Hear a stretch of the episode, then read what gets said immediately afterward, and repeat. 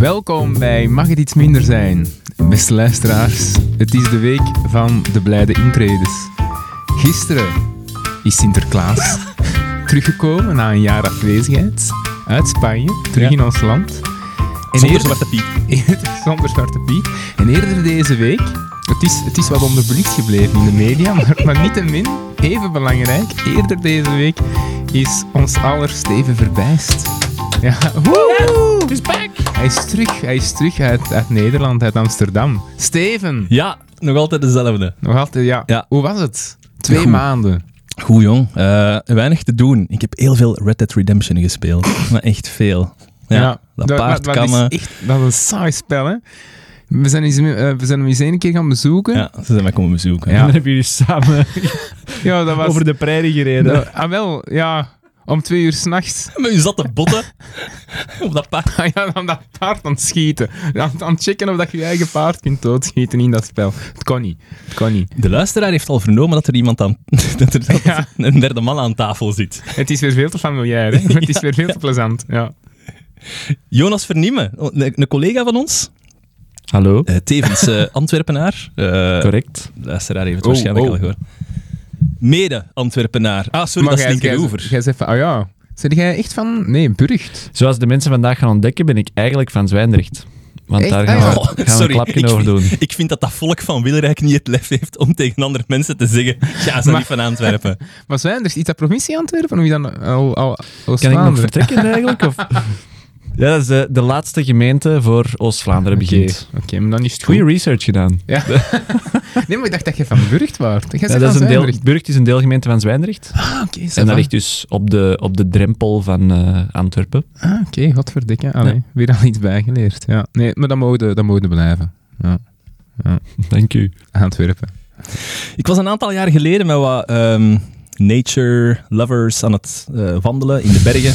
En ehm, het ging daar op een of andere manier over van, ah, uw, uw regenbroek, is die van Gore-Tex? Eh, nee, die is niet van Gore-Tex, want dat is milieu, eh, dat, is niet, dat is niet klimaat, of ehm, milieuonvriendelijk. En ik dacht, maar milieuonvriendelijk, wat zit jij nu te zeggen? Dat wordt gebruikt in al die merken als de North Face en eh, Patagonia en Colum, Col- wat is dat? Oh, al, al die outdoormerken. Ik dacht, dat zullen weer al zo van die pipo's zijn die dan niet weten waarover dat ze praten zijn. En dan plots, vrienden aan het maken. Ja. plots, een aantal maanden geleden, PFOS-schandaal. Ja, Bam. inderdaad. En Ja. PFOS is een van de actieve bestanddelen, of een van de werkzame bestanddelen van Gore-Tex. Ah, Wel, maar eh, toen dat jij bij ons kwam werken, allee, aan de KU Leuven, dan was jij ook bezig over eh, in bekers. Eh, was dat niet ook iets Ah nee, maar dat is van die plastic zeker. Dat is van... ehm, Ik weet niet, ja, maar dus ik had er ook nog nooit van gehoord dat dat schadelijk... Dus jij wordt altijd bezig met op het etiketje kijken. Of dat dit of dat erin zit. Ja. Dat was niet, dat was niet PFOS. Nee, nee, Of zeker iets niet. PFAS gerelateerd. PFAS zit niet in eten, hè. meestal toch niet. Ja, wel in food wrappers nee, en maar zo. in, in- ja, ja, ja. eh, ja, en het is een drinkbeker, hè. Het, is niet, het gaat Ja. niet over drinken, Nee, maar dat ging over iets anders. Dat ging over harde en zachte plastics. Dat was, eh, dat was iets Dat is nog anders. iets anders. Dat was- dat ging over BPA, denk ik. Is dat BPA? Is BPA? Zie, zie Ja, als je met drie juristen aan tafel zit... wij doen hier altijd zo van die toffe afleveringen waarin dat er dingen worden gelanceerd die dat ik dan nadien ga moeten wegknippen en proberen artificieel aan elkaar, hè, alsof dat er niks dat- gebeurd is. En dan zegt hem dat dan gaat knippen, maar uiteindelijk knipt hem dat niet. Ik ben ermee gestopt. Ik ben er echt mee gestopt. Jonas, een, col- een collega van ons, jij doet een doctoraat in de, in de rechten. Dus hè, ehm, je bekijkt het probleem vanuit een specifieke hoek. En in mijn geval, ik ben eh, mensenrechtenjurist. Ja? Daar ben ik toch aan de KU Leuven mee bezig. Dus mijn insteek is vooral de die. Ehm, al moet ik dus... met- ik ben per ongeluk ehm, eh, noodgedwongen met dat probleem aan de slag gegaan. Ehm, en nu moet ik mij bijscholen in allerlei andere takken van het recht. Administratief recht, Hm. stel u voor. Milieurecht. Voor, Eh, voor de luisteraars die niet volledig mee zijn met de PFOS-problematiek, eh, de, de, de fabriek in uw geboortedorp, Ja. ehm, 3M in Zwijndrecht, in de eh, Canadastraat in Zwijndrecht. in de wat? De Canadastraat. De, Canada, de Canadastraat in Zwijndrecht. Dat zijn ongeveer alle Antwerpse A's, denk ik. Canada. Canadastraat. Ja, Nog dat, is, dat zou wel met een kort Je hebt de Twaalfmundenstraat, dat zijn ze alle drie. In de twaalf, twaalf Maandenstraat in Antwerpen, die heeft alle drie de Antwerpse A's. De Ah, al- zijn er drie. Antwerpse A's? Ja, de Twaalfmundenstraat. Dat is... Twaalf Munde Straat. Hoor het? Dat is een... Sorry. Ik ga, ik ga dat Antwerp stuig hier in tow moeten houden. Hè. Ja, dus eh, eh, de 3M-fabriek in eh, de Canadastraat in Zwijndrecht. Ja. Daar gaan we het over hebben. Hè. En jij... ehm, Jij hebt een zekere vervuiling. eh, ja, je bent slachtoffer van, eh, van de verontreiniging. Ja, ik was zeggen, het vervuild bloed, maar jij hebt dus, eh, je bent slachtoffer van de verontreiniging. Eh, ja, dat klopt. Jullie ook, denk ik. Ik denk Ja, eigenlijk dat we allemaal ja. slachtoffer zijn van die vervuiling en van vele andere vervuilingen. Maar ik ben dus ja, eh, betrokken geraakt bij het PFOS-werk, PFOS-activisme, denk ik dat je het wel kunt noemen. Omdat ik dus in Zwijndrecht ben opgegroeid en op Linkeroever, de Antwerpse Mhm. Linkeroever. En ver van de, van de fabriek? U, Mijn u- ouders wonen op een drietal kilometer van de fabriek. Maar dus mijn familie woont helemaal, woont quasi allemaal in Zwijndrecht en op Linkeroever. Dus op ettelijke kilometers van, eh, van de fabriek. Mijn eh, zus heeft nu net ook een huis gekocht in Zwijndrecht. Mijn broer heeft een, Ah, huis, ja. een grond gekocht. Oeh, Echt nou. op eh, minder dan een kilometer van die fabriek. Eh, en ja, omdat ik bezorgd ben over... Omdat ik het onrechtvaardig vind dat die nu allemaal moeten opdraaien voor een probleem dat ze niet hebben gecreëerd. Omdat die risico lopen, ook gezondheidsrisico's Mhm. lopen, omdat ze op die plek wonen. eh, heb ik mij op dat activisme... Heb ik me, engageer ik mij om, om, om, om een oplossing te zoeken. Wat wil dat zeggen voor ons, PG, dat wij hier de, de stem van 3M moeten gaan vertegenwoordigen om de kerk een beetje in het Ik denk dat dat hier een heel geopinieerde aflevering gaat worden en ik neem u niks kwalijk. Ehm even, even uw onderzoek, we zullen straks wel voortgaan op wat dat 3M is. Eh, uw onderzoek, eh, mensenrechten zegde jij, maar ehm, ik had iets gelezen van ehm, neutrali- levensbeschouwelijke neutraliteit in, eh, in de scholen. Onder andere, het gaat eigenlijk over de rechten van kinderen met migratieachtergrond op onze Vlaamse scholen. En ik focus enerzijds op levensbeschouwing, op religie en hun religieuze rechten, en anderzijds op taal. Ah, en ja. taal, ik weet dat je er niet over wilt praten, maar dat is eigenlijk wel echt een interessant vraagstuk. Waarom wilde je er niet over praten, Nee, nee, nee, over doofdoeken wil ik niet praten. Ah. Ah ja, oké. Oh, ik dacht snap- dat je een one-liner had voorbereid over, over, over hoofddoeken, dus daarom ging ik ervan uit dat je niet over taal wou praten. Maar dus, Ah, nee. Maar die hoofd, ik snap dat niet. Ik snap dan... Wat, wat is nu het probleem met een hoofddoek? Of wat er iemand nu in de klas... Ik, ik, snap dat, ik snap dat persoonlijk niet. Of dat jij nu naar school gaat met een hoofddoek of niet. Wat maakt dat... Maar Voilà, ik, daar is nee, je doctoraat. Nee, Klaar, dank u. Ja, voilà, inderdaad. voetnoot, klaar. Ik wil dat wel wat kaderen in een krantenartikel, daar niet van. Maar nee, nee, maar ik snap dat niet. Dat wordt bij ons ook altijd gegeven als eh, eh, onderwijsrecht. Dat is een van de thema's. Hè, hoofddoeken op school. En dan moet je dat nalezen als correct. En dan denk ik, maar... Maar staat er die- nog altijd tussen de lijst? Ja, wel, die worden altijd op een of andere manier in het neutraal onderwijs, in dat onderwijs, van de leerkrachten, van de leerling. Het kan mij niet schelen of dat je een hoofddoek aan... En iedereen vindt dat interessant, hè. Terwijl als er iets tussen staat, hè, de overheidscontracten op de grens van privaat en publiek, niemand Heel kiest dat, raar. maar iedereen Heel raar. Je merkt dat dit het maandelijks momentje is waarop dat Steven een beetje stoom kan aflaten. Ah, wel. Ja. Over dresscodes op school. ik, ik heb nu in Nederland terug een beetje de tram genomen naar het werk en er is Ja. mij iets opgevallen. Die kinderen dat in hun, in hun training naar school gaan. Wat is dat voor iets? Ah, is dat? Is dat niet Nederland? nieuw? Is dat niet hier? Hier zie In je een- dat in een niet In een, training, in een, in een jogging naar, naar school gaan. Als uw En op de Op- Zuidas. Want jij zat Op op de de, Zuidas, Zuidas. ja, ja, ja, Dat is op de Zuidas, zo. de, de chicste coté van, van Nederland, vermoed ik dan. Ja. Maar dat is... Straat. En gebeurt dat hier ook? Allee, ik heb al in België lange tijd niet meer het openbaar vervoer genomen, wegens corona ook gedeeltelijk. Maar als uw kleine aan de deur staat met een training en die zegt ik ga naar school, dan zeg je toch kom, andere broek aandoen. Dat, dat gaat toch niet? Allee, ja, zwart. Ik denk dat we aan het afwijken zijn De jeugd, de jeugd, wat die allemaal ip vinden. Ja, ja. Kunnen wij niet meer mee, hè. Joggingbroeken, voilà, doorstreept. Goed. Je bent ook naar Columbia Law gegaan in, Ja. eh, in New York. En jullie zijn daar op bezoek geweest, hè? Een van de mooiste weken van mijn leven. Ja, dat is waar. Dat is was waar. heel plezant. Maar dat klopt, ik ben daar geweest, een jij die dingen, eh, RBG, of ging dat dan uiteindelijk niet door? Heb jij RBG dan niet ehm, in een college gezien? Ja, ja. Eh, ja die, die is gewoon een lezing komen geven. Ja, maar ja, dus ik heb die wel in levende lijven gezien, van op 20 meter. Maar Godverdikke. eh mooi moment. Een van de vele mooie momenten. Dat is echt een, eh, een onvergetelijk jaar. Jonas was een belangrijke persoon in zijn klas, want hij was class speaker of Ja. 2019 en hij heeft daar, zowaar, een Rousseau gedaan. Ik ben Eh, is, hem, juist is, hem door, de- is hem door de wand gekomen? Juist nog niet. Ik ben te, ja, dat gaat hier een lange aflevering worden, dat zeg ik nu al bij. Ik ben naar uw YouTube gaan zien ja, dat En- staat erop. hè, en de ja. openingsrede, nee, zijn, zijn reden begon als volgt. What's up, class of 2019? Waar is dat feestje? Ja, juist. De- als dat geen Rousseau is, dan weet ik het niet meer. Ik denk het wel, hè. Juist. Nee, maar wel knap, jong. Knap. Ja, dat, is een, dat was een leuke speech. Ja, ik heb hem ook gezien. Nu niet ter voorbereiding, maar toen.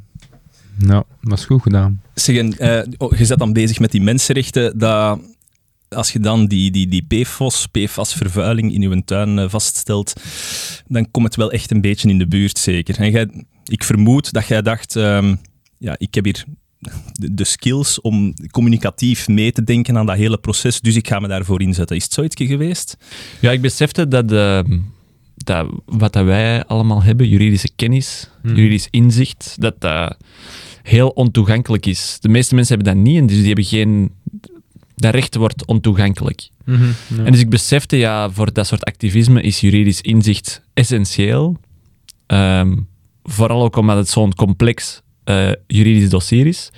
Dus ik heb mijn, mijn, mijn hulp aangeboden aan, aan een aantal... Ik ontdekte dat er dus een heel aantal Zwijndrechtenaren en, en Antwerpenaren zich wilden engageren om iets te doen. En dus heb ik mijn hulp aangeboden, enerzijds om het juridische mee uit te zoeken en om juridisch wat ja, te vertalen en wat advies te geven. Eh, en anderzijds eh, heb ik wel wat ervaring met organisaties en, en organisaties laten lopen. Dus ik heb ook wel mijn, mijn, mijn eh, skills Ja, ter ook beschikking cases gesteld om, zo ja. om ze wat te organi- georganiseerd te krijgen en alle neuzen in dezelfde richting te houden. Bij grondrecht. Dus dat is een van de groepen die nu... eh, Ah, wel, want was het eerst niet enough is enough? dus enough is enough is eigenlijk de slogan van grondrecht. Ah, oké, Ja. va. Dus dat is de, ja, de, de- er is een betoging geweest in eh, mei of juni, meteen nadat het schandaal is opengebroken. Ah, wel, wat dan heb jij, is er even verschenen op het journaal, hè, toch? Ja, ja, Zo'n juist, vlacht, hè? ja, ja, dat heb ik gezien, ja. Ja, dat was dus de Enough is Enough betoging, maar dat was vanuit grondrecht. Eh, pff, misschien zo wat Zwijndrecht is een beetje kaderen. Ehm, als, nog, voor, nog voor die ganse affaire, als je dan 3M zegt bij jullie in Torp, wat, wat voor beeld geeft dat dan? Is dat zo de grote werkgever van Torp? Ik beeld mij zoiets in, gelijk als De Palm in Londerzeel. Ja, de helft van het volk dat daar woont, werkt Ja. daar. En dat is, daar is zo'n hele echte band mee, omdat dat echt wel gebakken zit in die, in die gemeenschap. Is dat zo hetzelfde in Zwijndrecht? Gebakken in de gemeenschap zou ik zeker niet zeggen. Ja, daar werken een paar honderd mensen voor. Ehm, maar het is zeker niet zo dat dat zo'n een historisch bedrijf uit de regio is, waar dat we daarom daaraan aan, aan, aan, allee, daar een bepaalde band mee hebben. Maar het is ook maar één van de bedrijven, zeker. Is dat gewoon Ja. niet op het randje van het industriegebied dat dat zit? En dan de rest... Yes. Allee, daar begint het industriegebied met, dat- met alle andere... Dat ging ik inderdaad ook zeggen. Ja, Zwijndrecht is zo een van die gemeenten, waar het er vele zijn, die eh, gewoon heel dicht bij de, bij de industrie wonen. En dus mensen zijn Hmm. zich ergens in hun achterhoofd wel bewust dat die industrie er is en dat ze op zich op een plek gaan wonen waar industrie aanwezig is. Maar ze, ze, ze weten niet wat er juist gaande is in die, in, die, in die industrie. En ze willen het vaak ook niet weten, denk ik. En op dit moment beseffen we dat dat terecht is, eh, omdat er veel eh, onheilspellende zaken gebeuren. Ja. Ehm, Dat is hetzelfde hier met de, met de luchthaven in Kortenberg. Ik denk dat hier ook heel veel mensen komen wonen. Niet zozeer vanuit... eh, ja, je bent er wel bewust van dat er hier een luchthaven is, maar ergens knijpt er daar toch ook wel erg een oogstje voor toe. Eh, je, hebt niet echt te kiezen waar dat je gaat wonen als je in deze, deze coté wilt wonen. Hè. Het is Ja, wel eh, altijd ergens in de buurt van die luchthaven. en Zwijndrecht is, Nee. is, is zeker in de rand rond Antwerpen een van de eh, meer betaalbare gemeenten. Ja, ja. Dus mensen die niet meer middelen hebben, Ja, die minder middelen hebben, die komen Mhm. terecht in, zo de, in zo de, de rand rond Antwerpen. Onder andere in Zwijndrecht, want daar zijn woningen betaalbaar. En die hebben vaak ook niet het alternatief om dan in Ja. minder vervuild gebied te gaan wonen. Ja, Fobo ook, hè, vroeger. Anonymico. Ja. Exact, Ja. exact. Zullen we het eens hebben over wat dat PFOS, PFAS is? Sure. Technisch, Ik hoor, technisch ik, maar ik, ja. ik hoor een diepe zucht van iemand. Nee, nee, ik heb, ik heb, ik heb wat op... Ja, ik weet ongeveer hoe dat is. Ja. ik weet niet. Wie- jij het Wie er, wie wil er... Nee, ik heb een kameraad gebeld die een da, ehm, eh, doctoreert in de chemie. Ehm, misschien is dat dan toch wel tof, een kwartier in de opname, dat je een klein beetje ziet waar het over gaat. Ehm, m- maar ik ga, ik ga die voorlopig niet, niet benoemen, die, die kameraad. Voorlopig? Ja, of, misschien nog komt, komen misschien komt hem of? ooit nog eens een keer langs Ah, eh, zelf, ja, ik denk dat zelf dat als bedoeld was, zeker. Hè? Ah, wel, het is dat, maar ja, die sector is nogal redelijk klein en, en ja, ik, ik weet niet hoe gevoelig dat uitspraak. Ik heb hem niet gevraagd, maar daarom ga ik hem zijn naam ook even niet vermelden. Maar ik heb en in ieder geval gevraagd. u op LinkedIn? Ja, ik, ik heb hem zo gevraagd van, eh, als jij nu in de chemie denkt aan, eh, aan PFOS en PFAS, wat is zo de eerste reactie dat je hebt? En bij hem is dat van, ja, dat is een wondermiddel, hè, eh, juridisch, chemisch wondermiddel. Dat is iets... eh, waterafstotend, vetafstotend, Ja, eh, hittebestendig en, eh, en het gaat niet kapot. Dus dat is gewoon wat dat je moet hebben in de chemie. Eigenlijk, Tefal, ik denk zo dat Tefal anti-aanbaklaagje van uw, van uw Tefalpan, dat dat zo de beste omschrijving is van de karakteristieken van, van, van P, PFAS, ja, waterafstotend, vetafstotend en hittebestendig. Ehm, nu, die, die PFOS, dat is een, een subnaam van de PFAS-verzameltak zeker. En daar zijn er zo Dat is 6000 een soort soorten van, van. PFAS, ja.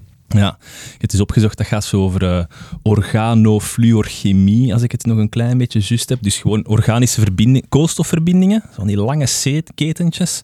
Met normaal staan daar, allee, de dingen dat Ja, wij goed kennen, daar staat zo'n waterstofje op, maar hier staat er dan zo een fluordingsje op. Een fluoratomen op. Ik heb Ja, aan- dat is heel sterk, hè, blijkbaar, die Ah, wel, verbinding. ik heb hem eens gevraagd hoe dat, eh, hoe dat, dat zich juist ehm, afspeelt. En dus op ehm, atomair niveau is alles terug te brengen tot ehm, elektro, eh, elektromagnetica. Plus en min. Niet meer als Mhm. dat. Wat dat elkaar aantrekt, wat dat elkaar afstoot. En blijkbaar zo een, een koolstof en een fluor, die trekken elkaar geweldig hard aan, vanuit datzelfde principe. Maar een fluor is blijkbaar ook elektronegatief. En als je naar water kijkt, naar water is eigenlijk een Mickey Mouse met beneden een zuurstofje en dan twee waterstofjes erboven. Die, eh, die, eh, die zuurstofkant is ook heel negatief. En dan is dat negatief tegen negatief en dat stoot elkaar een beetje af. En dus is makkelijk die water er van te halen en de fluor...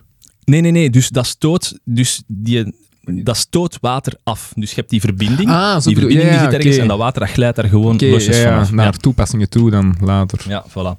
Dat zit letterlijk overal in. Blusschuim, etensverpakkingen, eh theeval, pannen. eh, eh. Kledij, cosmetica, Ja, it's Ja. everywhere. voilà. Eens kijken wat ik daar nog over had. Ja, het probleem is natuurlijk, eh, dat is een heel stevige verbinding, die raakt, niet, ehm, die raakt niet afgebroken. Dus dan heb je het over bioaccumulatie. Dat accumuleert dan in het milieu, Mhm. omdat het net niet wordt afgebroken. En dan kom je nogal redelijk snel in de trant van ehm, ja, gif, gif en letale dosissen enzovoort. Ehm, ik ga het eens even Ja, zo- en ja. omdat het organisch is, hè, omdat het begint van iets organisch zijnde koolstof en waterstof, wordt het ook blijkbaar heel, eh, heb ik dan toch gehoord, heel makkelijk opgenomen in het lichaam of in het milieu omdat het dus vertrekt van een organische molecuul. Jij bent nu naar mij aan het kijken, maar Nee, dat zijn kan nu weer zijn. aan het uitkramen. Ik heb dat gehoord. Ik ben gewoon aan het denken dat als de Bruno, vriend van de podcast, hier naar luistert, dat hij een denkt, Charles, hè, dat een hele dit- was door Thomas Goorden op een andere Ah, ja, podcast ja, die was aan het zeggen. En het, is vooral die, het is vooral die, ehm, die- die bioaccumulatie die dan, die dan het probleem is. Want dat blijft in, in de natuur hangen, maar door onze consumptie, door, gewoon door consumptie te koer, kruipt die PFAS, of Ja. PFAS de, de, de voedings, voedselketen op. Tot die dan uiteindelijk in mensen terechtkomt. En omdat die dus zo gemakkelijk in onze lichamen blijft hangen, stapelt dat op. Ja. En bij zwijnrechtenaren is er al veel opgestapeld de voorbije decennia. Blijkbaar bij vrouwen kan het wel door menstruatie of zoiets, heb ik gelezen. Dat dat PFOS doet dat... Ja, ik weet ook niet hoe, hè, maar Zeg blijkbaar... dat dan niet? Ja, maar ik heb hier een studie, jongen. Een studie Ah, oké, van... hij heeft, hij heeft wel Ik, degelijk ik papieren weet niet... ja, ja, van het FITO.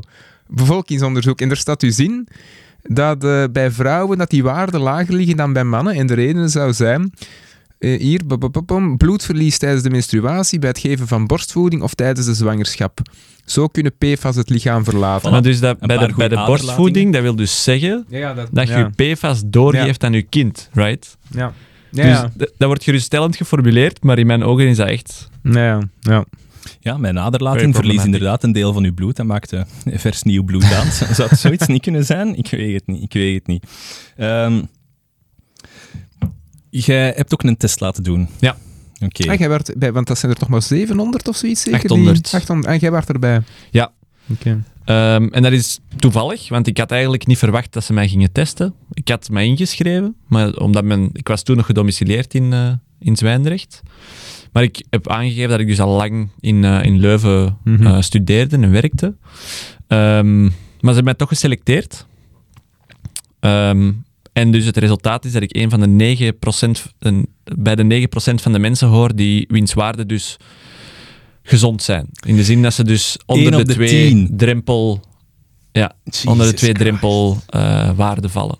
En is dat omdat je al een tijd... Dat zou kunnen. Dus met de blootstelling aan PFAS zal sowieso minder zijn, omdat mijn ouders ook ehm, re- relatief ver wonen, vergelijking met mensen die op een kilometer wonen. En dat ik dus al ja, een jaar of 15, kleine 15 jaar, niet meer permanent in Zwijndrecht ben. Eh, Ja. Alleen maar in de weekends of zelfs minder. Hoe is dat met uw familie? Ehm, Als ik dat mag vragen, als je dat niet wilt. dus er is maar één iemand in mijn eh, brede familie geselecteerd ook voor het onderzoek, de vriendin van mijn broer. Eh, en die, die, haar waarden vallen dus boven de twee drempelwaarden. Oh, Want dus, ik weet niet of mensen dat weten, maar er waren dus twee drempelwaarden. Boven de eerste betekende niet uit te sluiten dat er gezondheidseffecten zouden optreden. Boven de tweede betekent eh, het is waarschijnlijk dat er gezondheidseffecten optreden. Ehm, en dus zij zat boven die tweede, eh, boven die tweede grens. en over hoeveel keer de overschrijding van de norm zijn we dan bezig? Het hangt ervan af welke norm, welke norm je hanteert. I- i- Ja, de WHO-norm, ik weet niet. Als die Nee, dat is een Duitse hebben. norm, hè? Is dat niet... Dus die, degene die daar gehanteerd is, is de HBM, Ja, HBM voilà. 1 en 2. twee ja. En de grenzen die gehanteerd werden, waren denk ik... Ja, verschilden ook voor mannen en voor vrouwen. Dus eh PG heeft de cijfers. ja, ik ben hier aan het- Ik ben mijn, mijn bladzijden aan het eh, draaien. Ah, wel ja, maar, of, Eh, ah nee. ja, we, moeten het weten?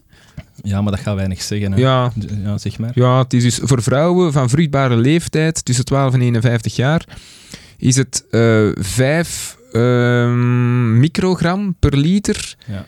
van PFOA en van PFOS is het 10 microgram de liter.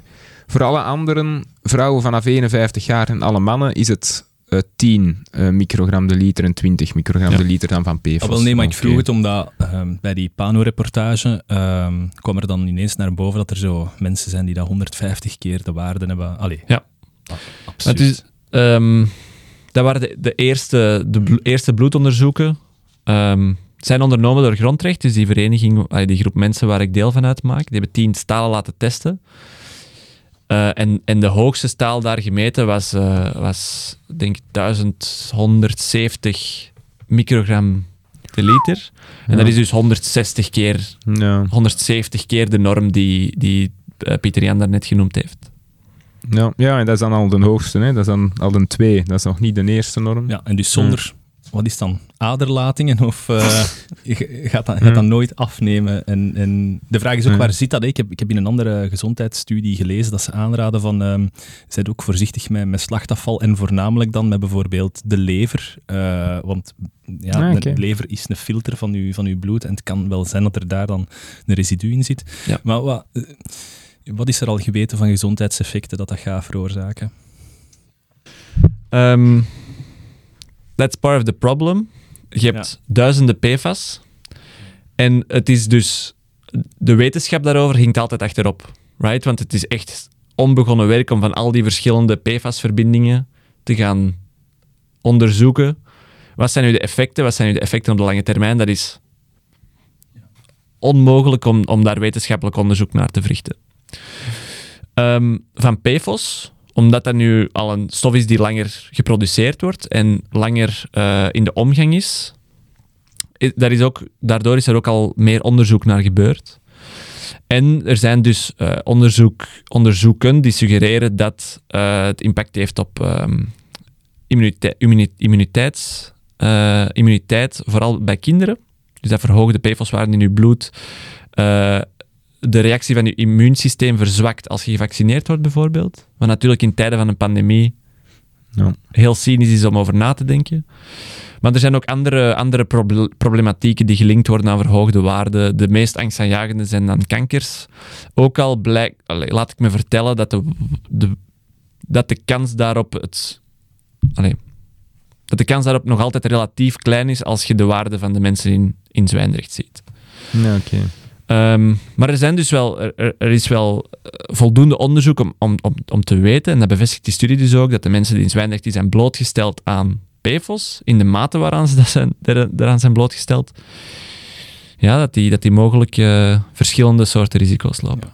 Ja, het probleem is een beetje die P, ehm, de PFOS. Ik heb nu de verbinding hier bij mij. Dat zijn eh, acht koolstofverbindingen. Dus vandaar vertrekken dan al die takjes met die F's op enzovoort. Nu, ehm, vanaf als je spreekt over koolstofverbindingen, heb je echt oneindig veel mogelijkheden. hè. Je kunt in een hoek gaan naar boven, je kunt een vorkje maken. Alle soorten van vormen zijn mogelijk. Dus je zit met zoveel verschillende varianten. Wat dat die stof natuurlijk ook Dan is enorm... het PFOS, dan is het een andere Ja, dat zijn het PFAS. andere Ah, ja, PFAS'en, oké, ja, inderdaad. Maar dat geeft ook eh, die, die enorme chemische kwaliteiten aan die stoffen, dat je daar zoveel kanten mee op kunt. Dat is een enorm innovatieve stof, je kunt daar heel veel mee doen. Nu zijn ze een beetje aan het denken naar alternatieven, hè? want zoals gezegd, het is dan uiteindelijk geweten dat er problemen mee waren. Ik denk dat Zwijndrecht of eh, 3M er in 2000 of 2002 mee gestopt is met die productie. Zijn ze dan gestopt met PFAS? Nee, helemaal niet. eh, maar wel alternatieven. Bijvoorbeeld kleinere verbindingen die misschien niet zo schadelijk zijn, maar wel een grotere mobiliteit kennen. Het is altijd natuurlijk een keerzijde van de medaille dat, dat je er moet bijnemen. Ja, en blijkbaar zijn die ook moeilijker af te breken, heb ik gehoord. Ja, Nu, dat, Ah, dat- hoe kleiner, hoe moeilijker. Allee, of hoe hoger, want je kunt PFOS blijkbaar wel afbreken als je het verwarmt tot 1000 graden of zoiets. Eh, maar hoe kleiner, hoe hoger. Ja, al wel, daarvoor zou dus idealitair de chemist hier bij ons aan tafel moeten hebben. maar maar het is, het is, ehm, er zijn nog geen alternatieven om van die stoffen af te stappen. Mhm. hè. We hebben nog altijd die fluorverbindingen nodig om een aantal eh, zaken Ah ja, dus te doen die uw anti-aanbakpan, niet. Kun je niet. Eh, nee, ze raden nu aan om met een andere ja, soort cast iron, hè, hoe heet dat nu weer al, ehm, in, het, eh, in het Nederlands? Ik weet het niet echt meer, maar dat is dan Gietijzer, zo... Een gietijzer, ja. ja. En die kunnen, dan, ehm, die kunnen dan zogezegd ehm behandelen, hè, zo heet dat dan. Dan moet je daar eigenlijk met, met, met olie een laagje in doen en dan in de oven eh, volledig laten verdampen. En dan zou dat niet aanbakken, maar dat is dus een, een moeilijker proces, Ja, gezonder ja, proces. Maar er zijn wel alternatieven, maar voor heel veel zaken heb je dan nog altijd blusschuim, heb je nog altijd die stoffen nodig om die brandvertraging te, te, te realiseren. Maar dus, ehm, Eh, nee, omdat je hè, nu juist over blusschuim bezig bent. Het probleem is niet beperkt tot Zwijndrecht. Nee, nee, dat klopt. Het zit Het zit overal ter wereld. overal. Ja. Die PFAS vinden we intussen overal ter wereld terug. Zowel in de natuur als in mensen. Ehm, en als je dan alleen al naar de postzegel op de kaart van Vlaanderen gaat kijken. ehm, broekzak groot, maar er zijn verschillende sites waar veel te hoge PFAS-waarden worden gemeten. In de grond, eh, al zeker. En dat is dan onder andere rond, ehm, rond eh, eh, brandweerkazernes, of oude brandweerkazernes, rond eh, historische industrie, eh, sites. Daar vinden we die ook. Maar die zijn wel, de, de waarden die daar worden gemeten, zijn niet, komen denk ik zelfs niet in de buurt van de, de vervuiling in Zwijndrecht. Hey, je was er juist, ehm, nog, nog voordat we de opname starten, een voorbeeldje aan het geven van eh, de John Oliver, eh, de, de weekly, hoe heet het? De show? Last Week Tonight. Ja, hoe, hoe alomtegenwoordig Ja, het het wel is echt, het is echt, of het is echt waanzin, want dus, ik weet niet in kader van welk onderzoek, maar wilden ze dus de, de PFAS-waarden die ze meten in, in mensen vandaag gaan vergelijken. En dan heb je eigenlijk een, wilt je idea, idealiter gaan vergelijken met iemand die geen PFAS in zijn bloed heeft, om de Mhm. effecten enzovoort te kunnen onderzoeken. Ja. Maar ze hebben dus op de planeet niemand gevonden waar die geen enkele PFAS in zijn bloed heeft. En dus hebben ze gearchiveerd bloed uit de Tweede Wereldoorlog, dat dan ergens in een archief lag fuck. opgeslagen van Amerikaanse soldaten uit de Hmm. Tweede Wereldoorlog, gebruikt als controlegroep, omdat er dan geen of bijna geen PFAS eh, in voorkwamen. ga even de deur Ja, openzetten maar- dat de poedel buiten kan. Maar dat is om, om aan te tonen hoe groot die vervuiling is. It's everywhere. ja, want inderdaad, PFAS is uitgevonden ergens vlak na de Tweede Wereldoorlog, zeker. Hè? En is dan echt ja, groot geworden. Allee, dat is uiteindelijk ja, een mirakelproduct, neem ik aan. Op die moment, als je die toepassingen ziet, dat... ehm Ten hond is aan het De blaffen. hond is aan het blaffen. Maar Ja. ja. Oh, allee, kom. Ja. Zullen we even wachten dan? eh? Die, eh, Misschien, hè? Ja, ja, anders dan moeten we weer kniepen. Ja, joh, wat is het? Wat is het? Wat ik ook zot vond... Allee, zot. Hoe, hoe alomtegenwoordig dat dat al is. Allee, of die kennis, hoe wijdverbreid dat die al is in Amerika. En bij ons niet, hè. Allee, hoe dat, dat dan toch niet wordt doorgegeven. Allee, hoe dat er in Amerika langspeelfilmen van bestaan, documentaires. Dat is op echt dit insane. moment al. Dus dan weten we toch... Ja. Er zijn procedures, bedoel, er is een ander normenkader in de VS al veel langer. Er zijn gerechtelijke procedures geweest Ja. eh, sinds ja, de jaren 2000, 2010. Ehm daar is gesetteld. Er zijn films over gemaakt Ja. en toch slagen wij er blijkbaar niet in om over het oceaan te gaan kijken. Ja, ja. Is er een probleem dat wij geen ehm, punitive damages hebben? Eh, misschien eerst uitleggen wat dat, dat is. Is dat zo'n... eh, Ja, Ja. In, in Amerika is zo toch het, voordeel, eh, het voorbeeld van als er een auto, als er een probleem is met het remsysteem, en er overlijdt iemand of twee verschillende personen, kunnen ze echt zo een monsterboete opleggen aan dat bedrijf, omdat ze het niet hebben geremedieerd. Ik kan me inbeelden dat dat een goede incentive is voor bedrijven om, om, om milieubewust beleid te voeren. Want ik denk dat het. Ik denk waar het waarschijnlijk binnen die bedrijven fout loopt, is dat die een, een economische afweging maken. Mhm. En als het economische risico verbonden aan, aan PFOS-achtige dingen produceren kleiner is dan wat ze daarmee binnenhalen, ja, dan doen die dat gewoon. Want er is. Als het, als het, het economisch risico is dan blijkbaar te klein dat ze lopen om ze, om ze te overtuigen om het niet te doen. En er is ook geen strafrechtelijk risico. Wacht, wacht, maar dan moeten we eerst misschien eens beginnen. Ehm, eh, wat is er fout gelopen? Right. heb, jij er, heb jij er een beeld van of dat alle uitstoot van, eh, van PFOS in Zwijndrecht, want we zullen het nu even beperken tot die zitten, is dat allemaal vergund geweest? In het verleden? Ja.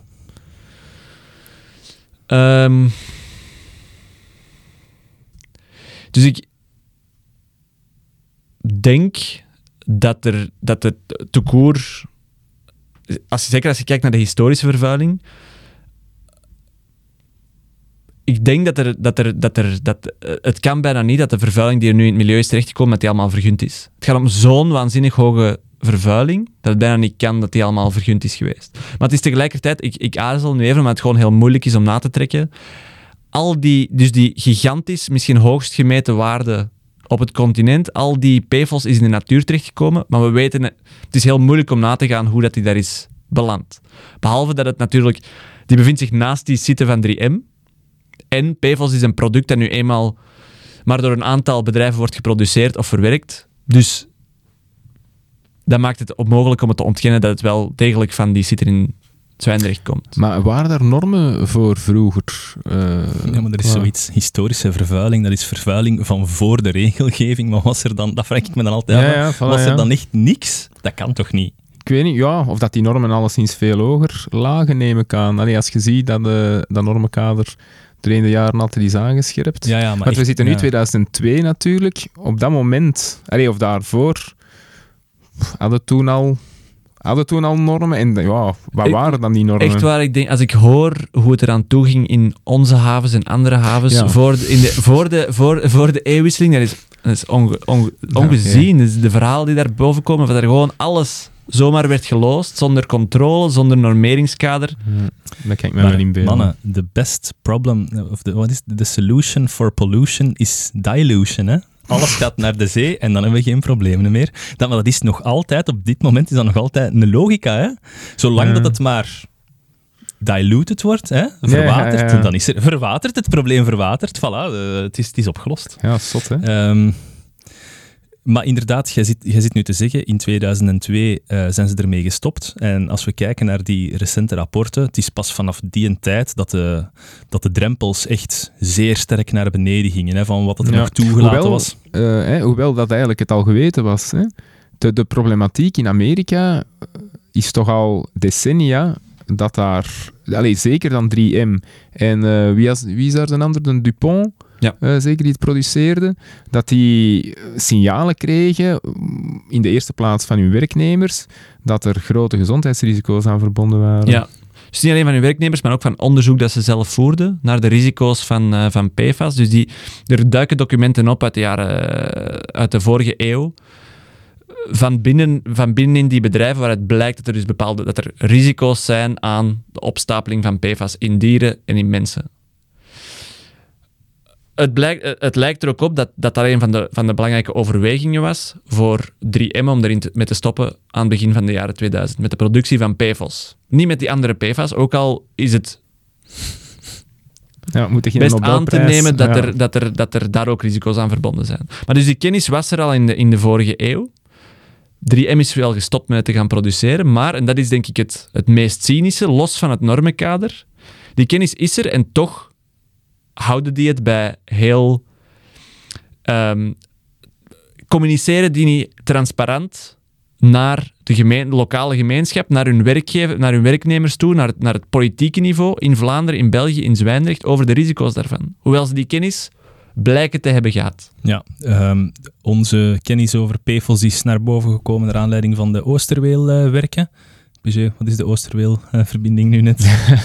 Neutraal uitleggen. Hè, Nederlandse luisteraars. juist, ja. Maar veel, veel weet ik daar ook niet van. Ja, dat is het, het vervolmaken van de ring hè, in, in Ja, Antwerpen. de Antwerpse ring is geen, eh, hebben- geen is- volle ring. Is, is geen ring. Allee, ja, als je via het noorden gaat, via de Liefkezoektunnel, misschien wel, maar dan is het ook geen, zeker geen mooie ring. Maar dan heb je nog wel een verbinding. Nee, dus men wil die toemaken. Een eh, nieuwe tunnel. Eh allee, dat was eigenlijk heel de vraag. Hè. Eh, tien jaar geleden, twintig jaar geleden, hè, hoe gaan we dat doen met de lange wapper? Eh, is er dan niet gekomen, die brug?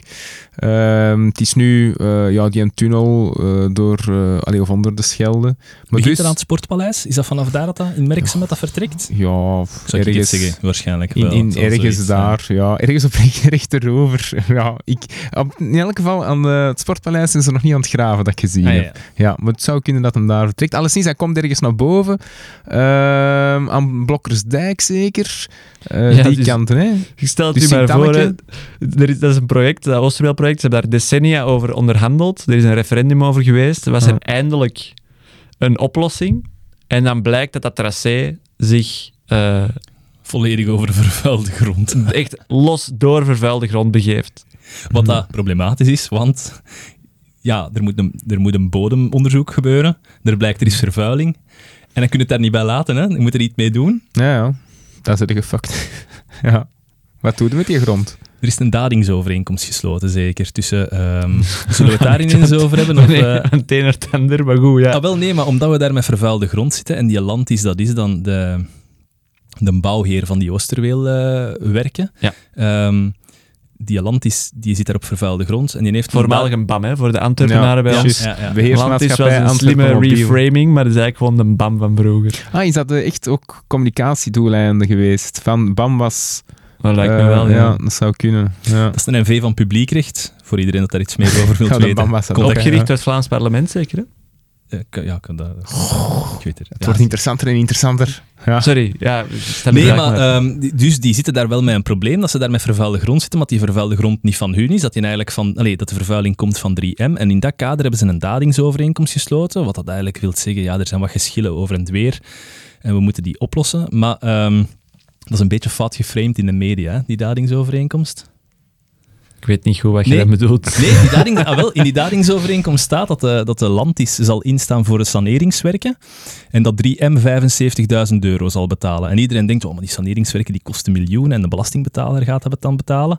Hè, terwijl dat 3M maar 75.000 euro moet betalen, maar dat is fout geframed, want naar, die, alweer die overeenkomst die is niet publiek beschikbaar, maar volgens de laatste bronnen lijkt het toch zo te zijn dat ehm, 3M enkel die 75.000 euro heeft betaald om de van een veiligheidsberm of zoiets. ehm, ehm, met, met vervuild materiaal. Eigenlijk Hmm. werken naar aanleiding van die saneringswerken en dat 3M uiteindelijk toch zelf zal nog moeten opdraaien voor die miljoenen, hè, die saneringskosten. 3M heeft dat ook altijd gezegd. Overal waar dat wij grond hebben vervuild, zullen wij wel instaan voor de sanering ervan.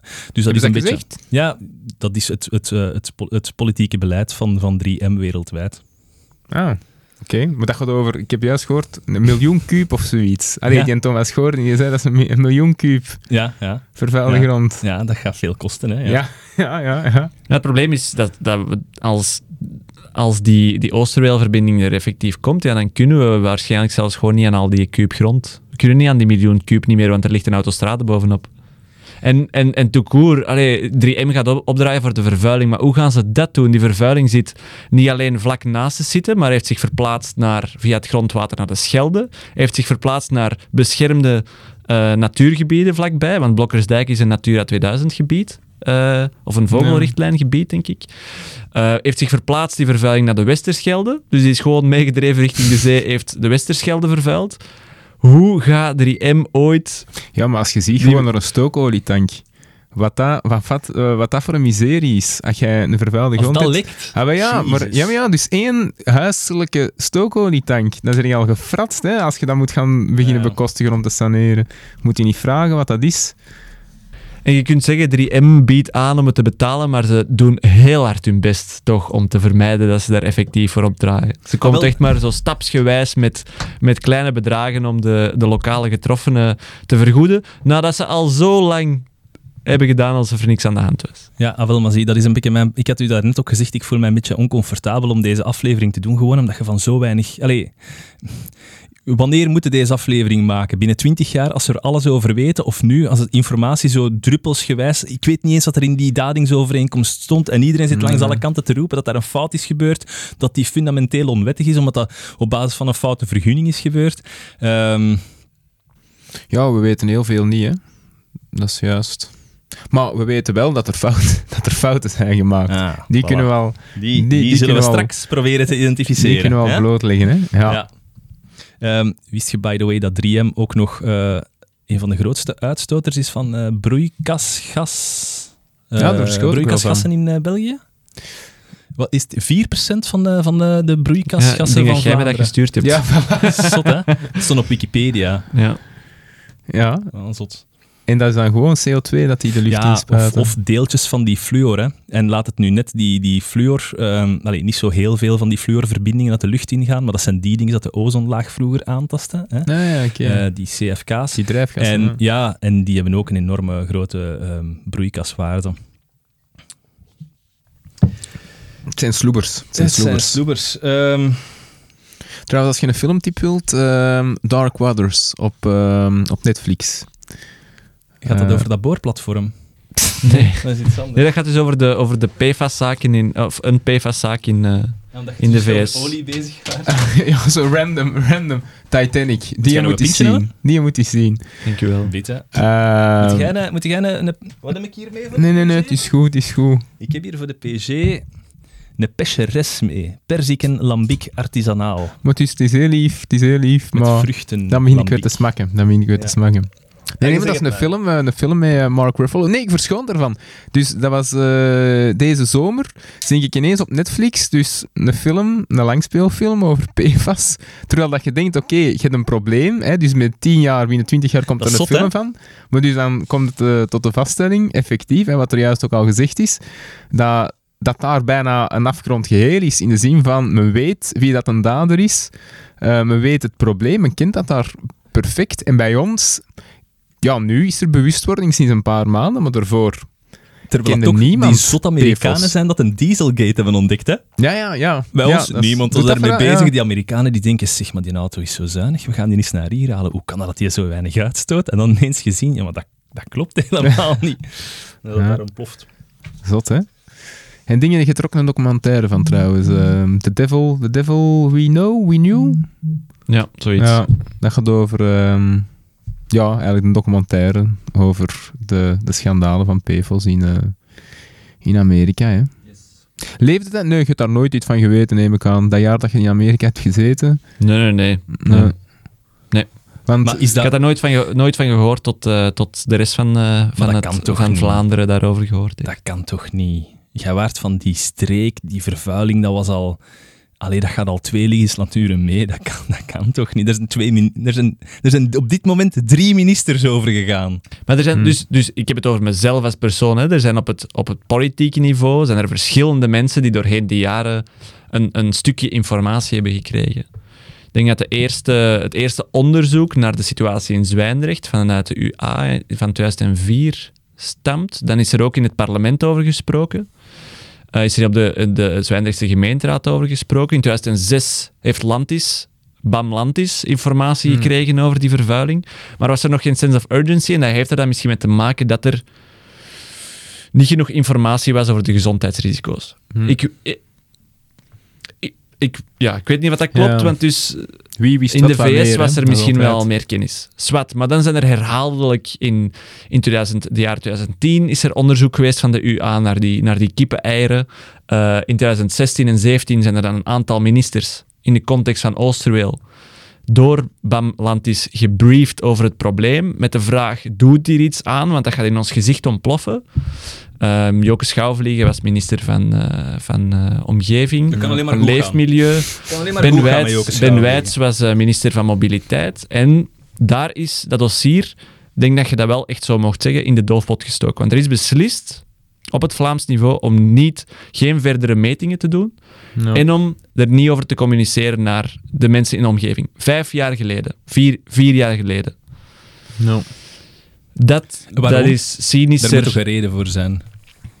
Ja, moet- ik denk, ik denk... Dus de reden die ik zie, de elephant in the room die ik zie, is die Oosterweelverbinding. Ja, Mhm. die moest en zou er komen. Ja. Ja, daar En zijn de- we nu al 25 jaar over bezig. Dus, Ja. ik denk dat ze het risico hebben ingezien van die PFAS-bom onder die Oosterweelverbinding. Ik weet alleen niet of, of dat ze dan de juiste inschatting hebben gemaakt, want Maar als je, ja, dat probleem, als je dat probleem nu had aangepakt in 2016, 17, dat er tenminste een, al was maar een schijnplan voor gemaakt, dan had het misschien nooit zo ver gekomen. En en wat is uw endgame dan? Eh, uw endgame op dit moment? Nee, nee, we wachten. We wachten. Dat gaat, als we het nu niet zeggen, gaan we het nooit niet ontdekken. Ja, tuurlijk wel. Hè. Allee, eh, dan komt het wel binnen een paar jaar boven. Hè. Ja, In het kader van die werken moet er onderzoek worden gedaan naar die grond. Wat denkt je dat er dan gaat gebeuren? Joke Schouwvliegen, by the way. Kunnen we het daar terug even over hebben? Ja. Misschien nog één, nog één Ja, ding. ja. Echt, wat ik echt het cynische vind, is ik werk met mensen in grondrecht die zich echt vragen stellen bij die Oosterweelverbinding, die daar bezorgd over zijn en die dus een procedure hebben gestart, een milieustakingsvordering. En die mensen wordt het nu verweten dat zij het, het project van Oosterweel op de helling zetten. Wacht, een milieustakingsvordering. Wacht, maar ik ga even mijn zin afmaken, dan kunnen we, Ja. kan ik dat uitleggen. Terwijl, als dat probleem nu vier of vijf jaar geleden, als daar een oplossing voor was bedacht, dan waren we hier niet en was die procedure mogelijk niet nodig. Ja. Milieustakingsvordering, samengevat, gestapt naar de rechter met de vraag, hier is een, naar de burgerlijke rechter, hier is een, hier is een milieuprobleem, een risico voor het milieu, disproportioneel risico, Ehm, grijp in. Daar komt het op neer.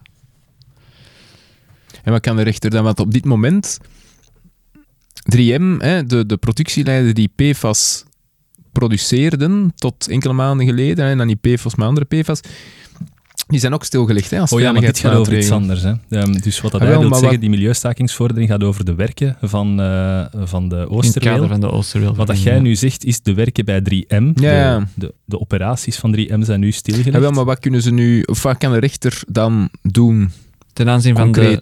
Ja, van de, de werkje, ja, de Oosterweelwerkje. ja. Maar die zijn nu dus, Zoals die, ik het die lopen nog altijd wel, op dit moment. Ja, ja, die zijn Ah, nog altijd bezig. Ehm, voor zover ik eh, me laat vertellen, heeft een rechter redelijk veel ruimte. Gewoon kan redelijk creatief zijn. Allee, het is natuurlijk is altijd afhankelijk van wat mensen vragen, Ja. maar om dus die mi- milieurisico's te gaan beperken. En dus wat de mensen met wie ik samenwerk vragen, is redelijk simpel. Eén, volg de meest eh, actuele techniek, zodat je de risico's voor de omgeving en voor het milieu kunt beperken. Het gaat dan over het besproeien van zand, over voorzichtig eh, dingen opgraven. Ze vragen twee, als, als, als vervuilde grond echt zwaar vervuild is, moet die op een reglementaire manier worden opgeslagen. Doe een beetje denken aan kernafval, maar dan moet dat echt gewoon contained worden, zodat dat misschien op termijn kan gesaneerd worden. In een sarcofaag of zo. Zoiets. Drie, ehm je mag die, die, die, die, die eh, autostrade bouwen, dat is echt het punt niet, maar zorg ervoor dat die, dat die werken verzoenbaar zijn met een saneringsplan. Al is het maar op termijn. Maar zorg ervoor dat dat wel verzoenbaar is. Het mag niet zo zijn dat omdat je daar een autostrade neerpoot, dat we dat gebied nooit meer gaan, op, gaan opkuisen. Ja. Een probleem bijvoorbeeld, ik probeer maar even te denken, hè, waarom, want je zegt nu, ja, die zijn opgetreden tegen die werken, maar die werken zijn eigenlijk niet het probleem, maar die werken geven wel een probleem, omdat ze ja, gaan bezig zijn met die vervuilde grond. Ik kan mij goed inbeelden, ehm, ik heb dat ooit eens gezien in de milieudiscussie van vroeger, als je werken uitvoert, dan leg je een aantal eh, hopen met zand aan, hè, de grond die je graaft op en die ligt daar in een hoop, maar dat zorgt ervoor dat dat water uit die, die, die grond trekt en verder loopt in het verdere gebied, en dan neemt dat al die PFOS waarschijnlijk mee voor verdere... Ja. Dus wat dat ze eigenlijk willen zeggen, dat is als je die werken doet, probeer daar goed over na te denken hoe dat je dat juist aanpakt. Eh, om de verontreiniging, je kunt die niet wegnemen, hè, want we hebben net gezegd dat PFOS is een heel moeilijke stof om, om, om uit de Forever natuur... chemicals. De forever chemical, om die uit de natuur weg te halen. Dus het enige wat dat je kunt doen, is die zo goed als mogelijk containen binnen de site waarin dat ze wordt aangetroffen. Dat is eigenlijk hun eis. En zij hadden niet voldoende garanties dat dat gebeurde en daarmee zijn ze naar de rechter gegaan. Ja. Oké. En, en dus ook, ja, als je gaat graven, dat, dat creëert stof. Ja. Zorg ervoor dat dat stof zoveel mogelijk op die site blijft door te besproeien. Als je diep graaft, dan creëert je een risico voor het grondwater. Daar moet je een oplossing voor bedenken. Als je grond toch gaat, gaat opslagen in bermen enzovoort, zorg er dan voor dat die, die, die vervuiling zich niet verder kan verspreiden. Dat zijn de soort zaken waar, eh, waar, waar om, omwonenden bezorgd om zijn. Zowel degenen die echt gewoon inzitten met hun gezondheid en dus schrik hebben voor het stof dat in hun tuin binnenkomt gewaaid, als de mensen die echt geven om het milieu en die gewoon omwille van het milieu eh, Hmm. willen dat er wordt opgetreden. En wat zegt Lantis? Want allee, eigenlijk is dat zot. We, zijn niet, we hebben hier niet te maken met een private, private onderneming, maar hè, als het opgericht is door het Vlaams parlement, iets dat toch constant met het algemeen belang zou moeten rekening houden, denk je dan? Maar dus, ik neem aan, Lantis verzet zich daartegen. Lantis wil gewoon doordoen zoals het nu doordoet en, en zegt dat er geen probleem is.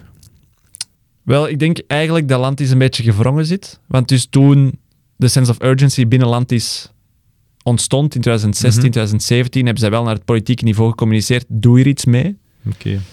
Dat is niet gebeurd. Ehm, waarschijnlijk had zij ook liever gezien dat toen het probleem was aangepakt. Maar dat is niet gebeurd. We zitten nu in 2020, 2021. En het doel van Lantis is natuurlijk om gewoon die werken te realiseren. Mhm. Ehm, en ze willen dat ook gewoon voortdoen. En dus ik, ik heb de indruk dat ze nu in hun communicatie ja, wel minimaliseren Mhm. wat de risico's zijn om, om ervoor te zorgen, net zoals het Antwerp Stadsbestuur doet bijvoorbeeld, om ervoor te zorgen dat die werken kunnen doorgaan.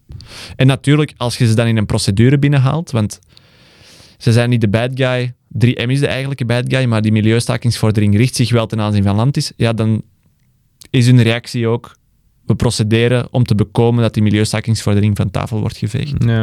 Ja. Maar oké, eh, als ik dan toch even advocaat van een duivel moet zijn, ehm Lantis gaat, gaat wel haar best doen om die milieuverontreiniging te beperken. Dat, dat- ik heb ook een, een, eh, een, een middagseminarie gezien of zoiets, waarin dat ze twintig minuten aan het praten waren over de maatregelen dat ze gingen nemen om die verontreiniging in te perken. Ik denk echt wel dat ze daarmee bezig zijn. Of dat ze daar voldoende voor doen, da- eh, daar, daar, daar ken ik het fijne niet van natuurlijk. Hè. Maar eh, Ja, en dus dat los- is geen een bad guy. Hè. Nee, nee. Maar er is wel een... En dat, dat laat ik me dan ook weer vertellen, want ik ben eigenlijk geen expert milieurecht. Maar er zijn fundamenteel een aantal juridische problemen met, die met de vergunningen die, die, die Bamlantis eh, heeft gekregen.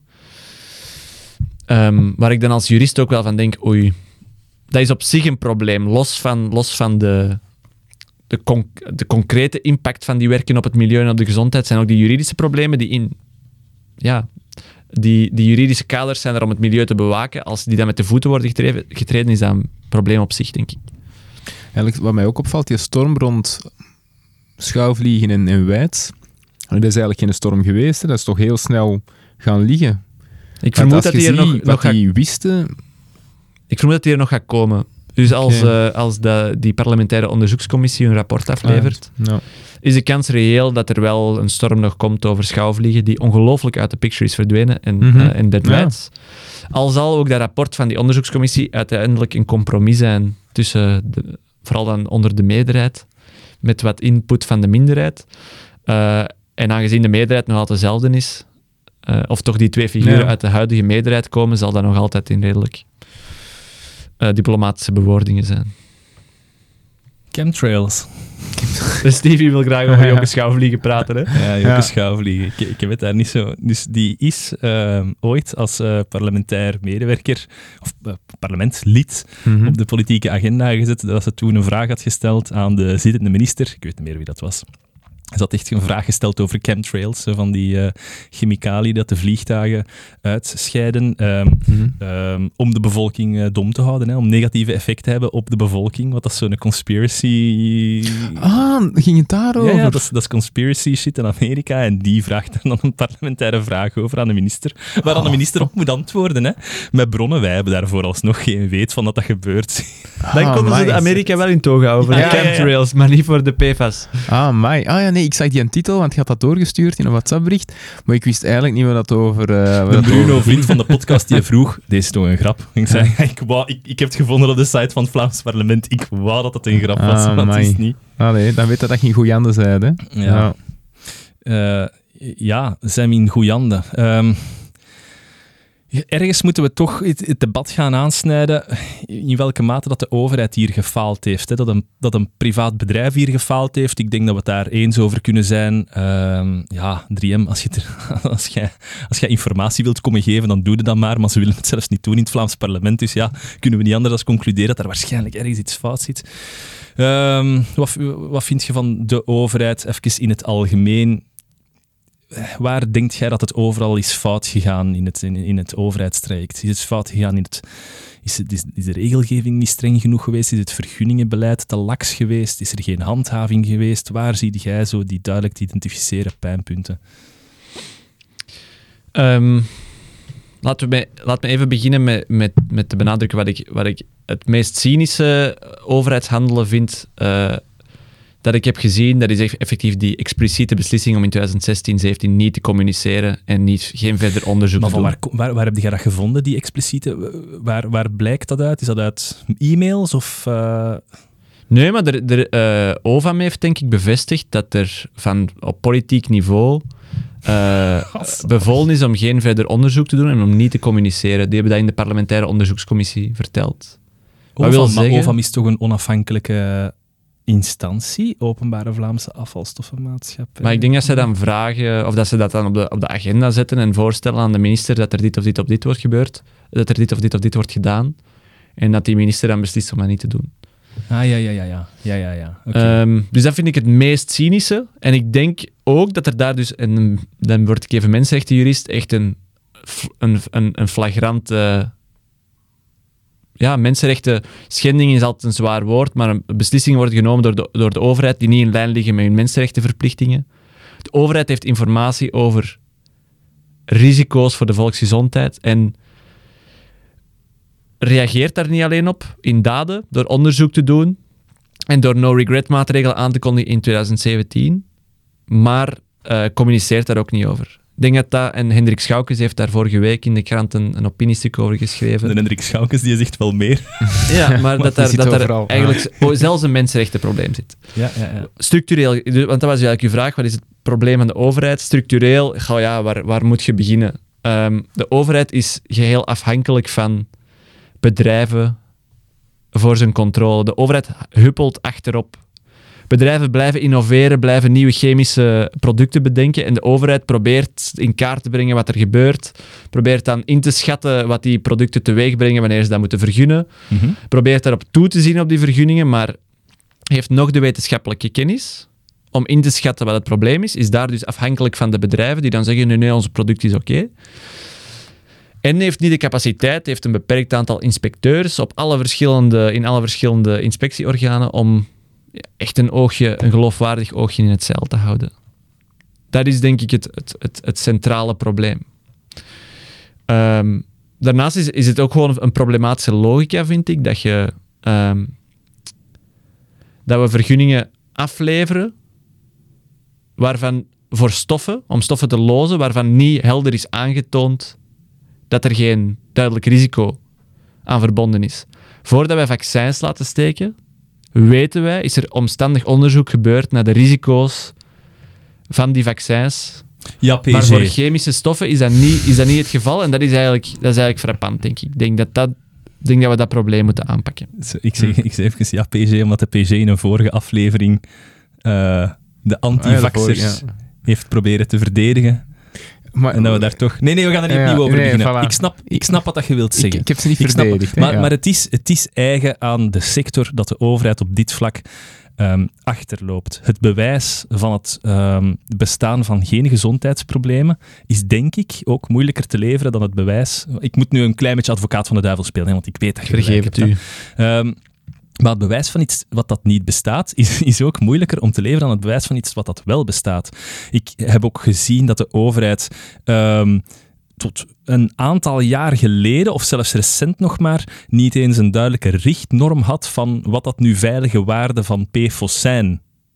Allee, ehm, ja, je loopt daar achter de feiten aan, dat is waar. Um, maar misschien kunnen we dat dan ook meer leggen bij de chemische sector zelf. Oké, die moeten niet heiliger zijn dan de paus, maar die mogen zich ook niet verschuilen dan achter, achter het um, discours van ja, de overheid zegt dat dat de norm is. Ja, maar de overheid zegt dat, maar ze loopt achter de feiten aan. Als jij weet dat, dat die norm te veel is, dan moet je daar wel zelf naar handelen. Hè? En is er dan geen actieve informatieplicht, soort van loyaliteit, als je iets opmerkt in een privaat bedrijf en je zegt oei, eh, het zou wel beter zijn dat de overheid hiervan weet. Want dat is toch het, dat is toch het, het, het excuus dat je, dat je altijd hoort, ook van Shell vorige keer. Ja, maar ja, als wij het individueel gaan inperken, zal er wel iemand anders zijn hè, die dat zijn uitstoot gaat verminderen. Ja, maar ja, als jij nu een keer aan de overheid communiceert, jongens, hier is het probleem, hè, wij hebben het onderzocht, wij hebben daar miljarden in gestoken, voer het nu in voor iedereen, zodanig dat wij niet de enige zijn die in ons vel snijden als wij een strengere maatregel opleggen. Kunnen we daar ook niet een soort van responsabilisering van die chemische sector verwachten? Of andere sectoren. Ja, ik, ik, ik, eh, ik deel het cynisme van. eh, van eh, of ik, het, pessimisme van Geert van Kalster. Dat we.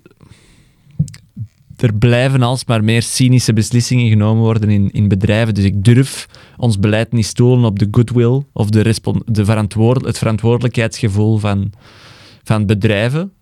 Niet alle bedrijven zijn slecht, maar er zijn er gewoon een heel aantal, zeker de grote, die cynische beslissingen nemen. Dus ik, ik denk dat je een stok achter de deur moet hebben dan. Ja, je hebt structuren nodig. Hè. Ja, maar ja, wat, wat doe je dan als er, als er een... ehm, wat doe je als er een onderneming afkomt en die zegt, wij vragen hier een lozingsvergunning aan voor een bepaalde stof en die is super innovatief, maar we weten gewoon nog niet zo goed op lange termijn welke effecten dat, dat kan hebben. Ehm, een voorzorgsprincipe zou zeggen dat je daar voorzichtig mee moet omspringen, maar ja, wat is voorzichtig? Ik denk dat de overheid wel degelijk had gezegd, hè, we gaan die PFOS een beetje beperken, hè, wij gaan hier een aantal microgram per liter opleggen, maar blijkt twintig jaar later dat die norm 100 keer te hoog lag. En dat die eigenlijk ferm naar beneden moest gehaald worden. Dus Ja. Maar, ja, maar als je signalen krijgt van, van eh, over de plas dat er echt problemen zijn. na- nadien, hè. Ik bedoel, zijn altijd vijgen naar... Ja, de over... Ja, ja oké, maar dus waarom wordt er dan geen onderzoek gevoerd? Allee, ik neem aan, is er, is er voor je PFOS voor, eh, ja, in 2004 zeg je dan, is er de eerste keer een onderzoek gedaan do- door de Universiteit van Antwerpen. Ja. En dat was door de overheid aangevraagd. Ehm, Of dat- Dat weet ik niet juist. Maar dus de, de resultaten daarvan, en dat ging over de aanwezigheid van PFOS in bosmuizen. Ja, De, de resultaten daarvan zijn wel aan de overheid bezorgd. oké. Maar toen was men zich er niet van bewust of had men niet de informatie om te geloven dat er gezondheidsrisico's waren voor mensen omwille van die vervuiling. Ah, wel, maar dat is dan toch inderdaad, zou ik zeggen, het voorzorgsprincipe. Van het moment dat je indicaties krijgt dat er een probleem is, ja, je weet het dan inderdaad niet zeker, maar dan doe je toch verder onderzoek. Dat is toch het minimum, zou ik denken, dat je verwacht. Ja, ja, maar in 2002 waren ze al mee gestopt, hè. Dus eh, het is goed dat Ja, je ja. onderzoek doet, maar ondertussen heb je al 20 jaar die stof geproduceerd. ja, oké, dat is juist. Dat is juist. Ik vind echt dat de vergelijking met vaccins niet, niet spaak loopt. Eh, ik kan me inbeelden dat we een systeem uittekenen waarbij voordat je een of andere stof produceert of verwerkt, dat je moet aantonen door een aantal gestandaardiseerde processen dat de risico's beperkt zijn, of, of, of dat je tenminste meet wat de risico's zijn als ze Mhm. terechtkomen in de natuur, in, in dieren, in mensen. Ik, ik ben ook geen, exact, ik ben geen wetenschapper, ik weet niet hoe die processen er moeten uitzien, maar voor geneesmiddelen doen we dat ook in kaart brengen. Oké, als, die zich nu, als die nu aanwezig zijn in mensenlichamen of in dieren, welk effect heeft dat nu op de korte termijn? We proberen in, in te schatten wat dat geeft op de lange termijn. Nee, maar Jonas, je hebt gelijk. Je komt daar... Je komt, wanneer is het uitgevonden? Jaren 60? Pak nu, jaren 50, jaren Ja, de 60? jaren 40, denk ik. Ja. Eind jaren 40. Nou wel, je komt dan op de markt met een stof waarvan dat je zegt, deze stof is fantastisch, want ze eh, is eh, waterafstotend, vetafstotend, je geraakt er nooit vanaf, eens dat je het gemaakt hebt, dan moet er toch iemand zijn in die zaal die dat denkt, oh, maar wacht eens, wacht eens, en waar gaat je dat juist in gebruiken? Ah, flosdraad, daar gaan we het in gebruiken. Ja, is dat niet een beetje gevaarlijk? En waar gaat het nog in gebruiken? Ah, in pannen. Dus de, Ja. de spullen Maar- waar we ons eten in klaarmaken. Ja, inderdaad. Ik bedoel, die, dat zijn allemaal die, dat, die, dat zijn academici. Hè? Vermoed ik, al die mensen dat daar werken, die zijn bezig met, met echt heel kritisch... Die moeten een kritische geest hebben. Er moet toch echt iemand geweest zijn die dan zegt, maar als je dat doet in je pan en je krast is in je pan, kan toch wel de kans groot zijn dat je dat inneemt. En wat als de stof dan niet afbreekt en in het natuur... Allee, hoe kan dat je initiële reflex er niet was? Hetzelfde met die vuile asbest. Dat weet je dan toch op den duur. Dat, dat, dit is een stof die dan nooit kapot gaat. Ah ja, oké. En wat als je dat dan per ongeluk inneemt? Op, maar op, op een of andere manier was die kritische geest er op die moment niet. Of Dat, is een, dat is een optimistische lezing. Ja. Ja, ja oké, ik kan u aannemen. Je zit vlak na de Tweede Wereldoorlog. Dat dat, dat ja, niet... in de jaren 60 en 70 niet meer, hè, als je hier Nee, nee, nee, oké, te dat is juist, dat is juist, ja. Ja, wat doe je eraan? Het wordt even stil. Nee, ja... Hey, de vraag is, wat, hoe gebeurt het nu? Hè? Is het nu beter op dit moment? Inderdaad, hè, de vraag die je stelt, allee, of de hypothese die je opwerpt. Stel dat je met nu iets revolutionair komt, de opvolger van, PF, van PFAS-verbindingen. Hoe wordt er dan nu mee omgegaan? Ja, ik weet, allee, dat durf ik eigenlijk niet zeggen. Hoe gebeurt Ja, zoiets? is er nu effectief een onderzoek? Nee, waarschijnlijk. Iets, vaccin. Je hebt op Europees niveau heb je de REACH, Ja. de, het ja. REACH-systeem, waarbij dat, dat, dat, denk dat de logica is dat het bedrijf dus informatie moet aanleveren, voldoende informatie voor dan de Europese instellingen om in te schatten wat de risico's zijn. Maar een probleem daarvan is opnieuw dat, dan, dat je achteruit loopt op de feiten, dat je achterloopt op de feiten. Eh, omdat er dan altijd een, een aantal jaar over gaan voordat dat geëvalu- geëvalueerd is. Maar de, het product terwijl wel al in omloop is. Ja, Ja. dat is inderdaad Als dat je, is problematisch. ja, als je ja. ziet hoe lang dat het duurt om een wetenschappelijke studie te publiceren. Hè. Ja. Ik heb al vaker gezegd dat het, het duurt langer vanaf het moment van de aanvaarding van de offerte totdat er hier een nieuw dak ligt. Eh, dat in vergelijking met ik stuur mijn artikel door naar een, naar een magazine om te publiceren en dan in peer review, dat duurt langer dan een Ja. dak te leggen. Dus eh, dat wetenschappelijk proces is zo traag en dat moet het ook zijn. Hè. En ik probeer, ik probeer toch een klein beetje die overheid dan te verdedigen die dat... Stel nu, Pieter Jan komt af met dat nieuw revolutionair middel, die zegt tegen mij, mag ik dat beginnen produceren? Eh, ja, wat moet ik daarop zeggen? Ja, ik ga eens een keer kijken wat er iemand studies over gedaan heeft. Eén, één studierapport erover bij muizen. Ja, dat is dus duidelijk niet het enige probleem in Vlaanderen. In Vlaanderen is er ook het probleem dat, je dus, dat onze di- inspectiediensten en de diensten die de vergunningen moeten Yes. afleveren zo onderbemand zijn, Yes. dat die zelfs niet kunnen gaan kijken of er studies zijn. Ja, ja. Die kunnen zelfs niet gaan kijken, die hebben niet de kennis, die hebben niet de tijd om te gaan kijken welke studies zijn er nu, wat betekenen die, Eh, hoe moeten we die gaan interpreteren. Dat, dat, dat kan gewoon niet. En dat is wel een investering die je kunt maken als, als, als, eh, als, als overheid. Om, Mhm. om die diensten wel degelijk te bemannen. Ja, ik heb hier een apart puntje van gemaakt eigenlijk op mijn voorbereiding, omdat ik dacht, over al de rest gaan we niet zoveel kunnen zeggen, echt inhoudelijk, maar er zijn toch een aantal zaken waar dat we misschien wel wat meer voeling mee hebben. En dat is... Mhm. eh, ik, ik, ik zou nu een pleidooi willen maken om de overheid toch op een of andere manier te verdedigen. Ik vind, ehm, er wordt nogal te veel gezegd, het is de fout van de overheid. Ook als je ochtends luistert naar de radio, hè, eh, wordt een probleem aangekaart. De overheid zou het moeten oplossen. Maar wie is de overheid? hè? Je hebt een administratie. En de administratie wordt bemand met mensen die dat elke dag S ochtends om half acht op een trein stappen naar het werk, die dat daar fantastisch werk doen. Ik heb er al vaak mee samengewerkt. Die mensen uit de overheid, dat zijn experts ter zaken. Hè. Als je als je twintig jaar in zo'n overheidsinstantie zit, dan kun je echt een doctoraat schrijven over dat niveau. En dan vind ik het een beetje goedkoop om die dan af te schilderen als de overheid die dat kwaadwillig eh, te werk gaat. Want dat is niet zo. Die mensen die doen allemaal ferm hun best. Dus ik vind dat je daar ook de politiek een klein beetje van los moet maken. Het is de politiek die die, dat, die administratie aanstuurt. Hè. Al de politici die dan nu zitten te zeggen, is de overheid had meer moeten doen. Jij zijt de Hmm. aanstuurder van de administratie. Hè. You have the chips in hands. Als jij zegt, we gaan 100 miljoen vrijmaken voor die handhaving, dan gebeurt dat ook. Hè. Allee, wat, wat, wat, wilt je nu dat er inderdaad eh, sommige bedrijven niet worden gecontroleerd, ook al zijn ze risicocategorie 1? Er zijn gewoon niet voldoende inspecteurs en die doen echt elke dag hun best. Ik heb, ik heb in de praktijk al milieuboetes moeten proberen aan te vechten van bedrijven die hadden dan iets misgedaan, vergunning was niet volledig in orde en die krijgen dan een milieuboete. Hè. Eh, dat, ging, dat ging zijn voor je koer die jij hier hebt eh, verbouwd of zo. dat is, dat is eh, historische verontreiniging. Nee, en, en, en die, de feiten werden vastgesteld in het jaar 2016 en de boete komt in 2019. Ja, dan is er, dan is er een probleem. Hè. Dan is er een probleem. Er gaat dan drie jaar over. En wat zeg je dan tegen de rechter? Onredelijke termijn, hè. Een Ja. ter- een termijn. De redelijke termijn is overschreden, dus die beslissing moet worden vernietigd. En dat is heel gemakkelijk om daarmee om te gaan natuurlijk, omdat hoe komt het dat er drie jaar zit over zo'n dossier? Dat wil niet zeggen dat die mensen daar niet hun best doen, dat wil zeggen dat er te weinig mensen zijn. Mm. Dus van iedereen die nu zit te zeggen de overheid zou meer moeten doen, be my guest. Hè. Ik ben de grootste pleitbezorger voor meer overheid, maar dan moet je daar ook meer geld in steken. Daar gaat het over. Meer geld. Het feit dat die een Ben Wijts weer al 100 miljoen euro knipt in die onderwijsbegroting, dat was toch, hè? 100 miljoen, heb ik het goed gevolgd? Want ik zat toen in Nederland, maar ik denk dat het zoiets was. Die doet dat niet voor zijn plezier, hè? Die doet dat omdat er gewoon geen geld is, hè? Ja, ja. Allee, wat. Ja, het is ook niet sexy natuurlijk, hè, om, om in handhaving... Nee, dat is wel waar. Nee, nee, nee, nee, nee, nee, nee. Ik heb, ik heb, dat, ik heb dat nu Ja, een paar het is wel keer... sexy, oké. Ik, heb dat Oh, een sorry. paar keer gehoord dat handhaving niet sexy is. Daar Dat namen een neus eraf. dat is niet waar. Als jij- Daar namen een neus eraf. Ja. Als jij tegen de mensen zegt, wij gaan meer controle doen op de belastingen, hè, dan gaan de mensen zeggen, top, dat is goed, doe dat maar. Hè, want dat, dat, dat heeft een zelfverdienend effect. Dat, dat is... dat- puur anekdotisch. Als je een treinticketje koopt naar de zee en jij wordt niet gecon- sorry. Echt, En, en sorry. jij wordt niet gecontroleerd, dan ga jij toekomen aan de zee en dan ga jij zeggen, ik heb ik nu 12 euro betaald en ik ben niet gecontroleerd. Hoe zit dat nu?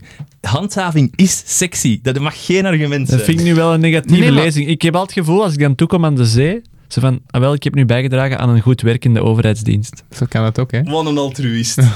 Oh, Nee, een maar- altruïst. je ziet dat minder. Hè? Als je een probleem voorkomt, een, een milieu, een eh, milieuverontreiniging voorkomt, je kunt er niet mee uitpakken, want je, je ziet er niks van. Dat Maar is, je kunt daar toch wel mee uitpakken? nee, maar, Dat is nee, een maar goede je ziet dat krantenkop. niet. Terwijl dat, je verontreinigingen. een fiets... Ja, ja, maar dan is het al gebeurd. Maar ik bedoel, het zou moeten kunnen dat je het voorkomt hè, door handhaving, door vergunningen. Ja. Maar dat zie je natuurlijk niet meteen.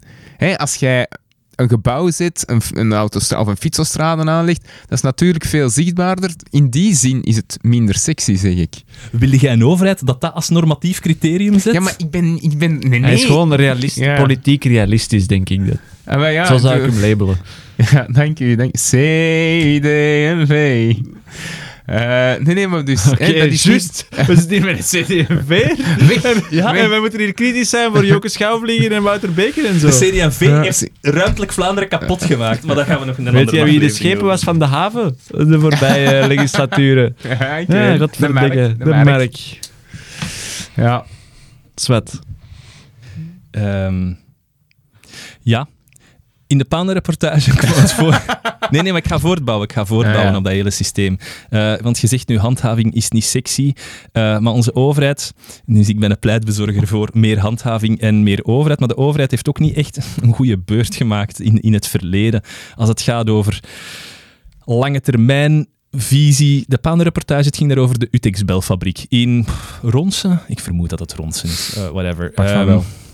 Zijn we daar eens niet gepasseerd met de fiets in Ronsen? Ah nee, waar toen zie ik, dat was met de fiets. Nee, Ah, ja, ja. En, Dat is met eh, andere vrienden. en, blijkbaar, en blijkbaar is dat echt al jarenlang de grote vervuiler en, en worden daar ehm milieu-inbreuken vastgesteld, maar worden die boetes niet... Allee, zo'n zo'n zo'n heel groot probleem. En dan zeggen ze, ja, de buurtbewoners zijn ook kwaad. En dan zeggen ze erbij, ja, toegegeven, hè, de fabriek stond er wel eerst. En dan zijn ze er nadien er, rond beginnen bouwen. Ja, en wiens fout is dat? Dat is niet de fout van die mensen, hè. dat is de fout van de overheid dat zegt, als je hier komt wonen, dat is ook goed, hè. dat is ook goed. Hè. Ja, maar zo is, het, zo is het gemakkelijk om verontreiniging te creëren. De, de afvaart... met de Filip ga ik redelijk vaak met ons, met ons bootje varen. Hè. Redelijk Jij wilt- vaak. Het is twee jaar geleden. Ja, corona. Hè, Ja. Jij wilt niet weten hoeveel PVC-buizen dat er eindigen in lokale beken en rivieren voor uh, uw afvalwater dat daarin terechtkomt. Hè. En dan zitten wij hier een beetje onnozel te doen over PFAS. Terwijl dat iedereen dat in de buiten onnozel doen. Onnozel- Merci, Sorry, hè. sorry, sorry. Nee, nee, maar dan, dan zitten wij nu hier het probleem van PFAS te bespreken, terwijl dat er aan de loop... Mensen die dat geen riolering hebben, hè, die aan de lopende band afvalwater gewoon in de beken gieten. Hè.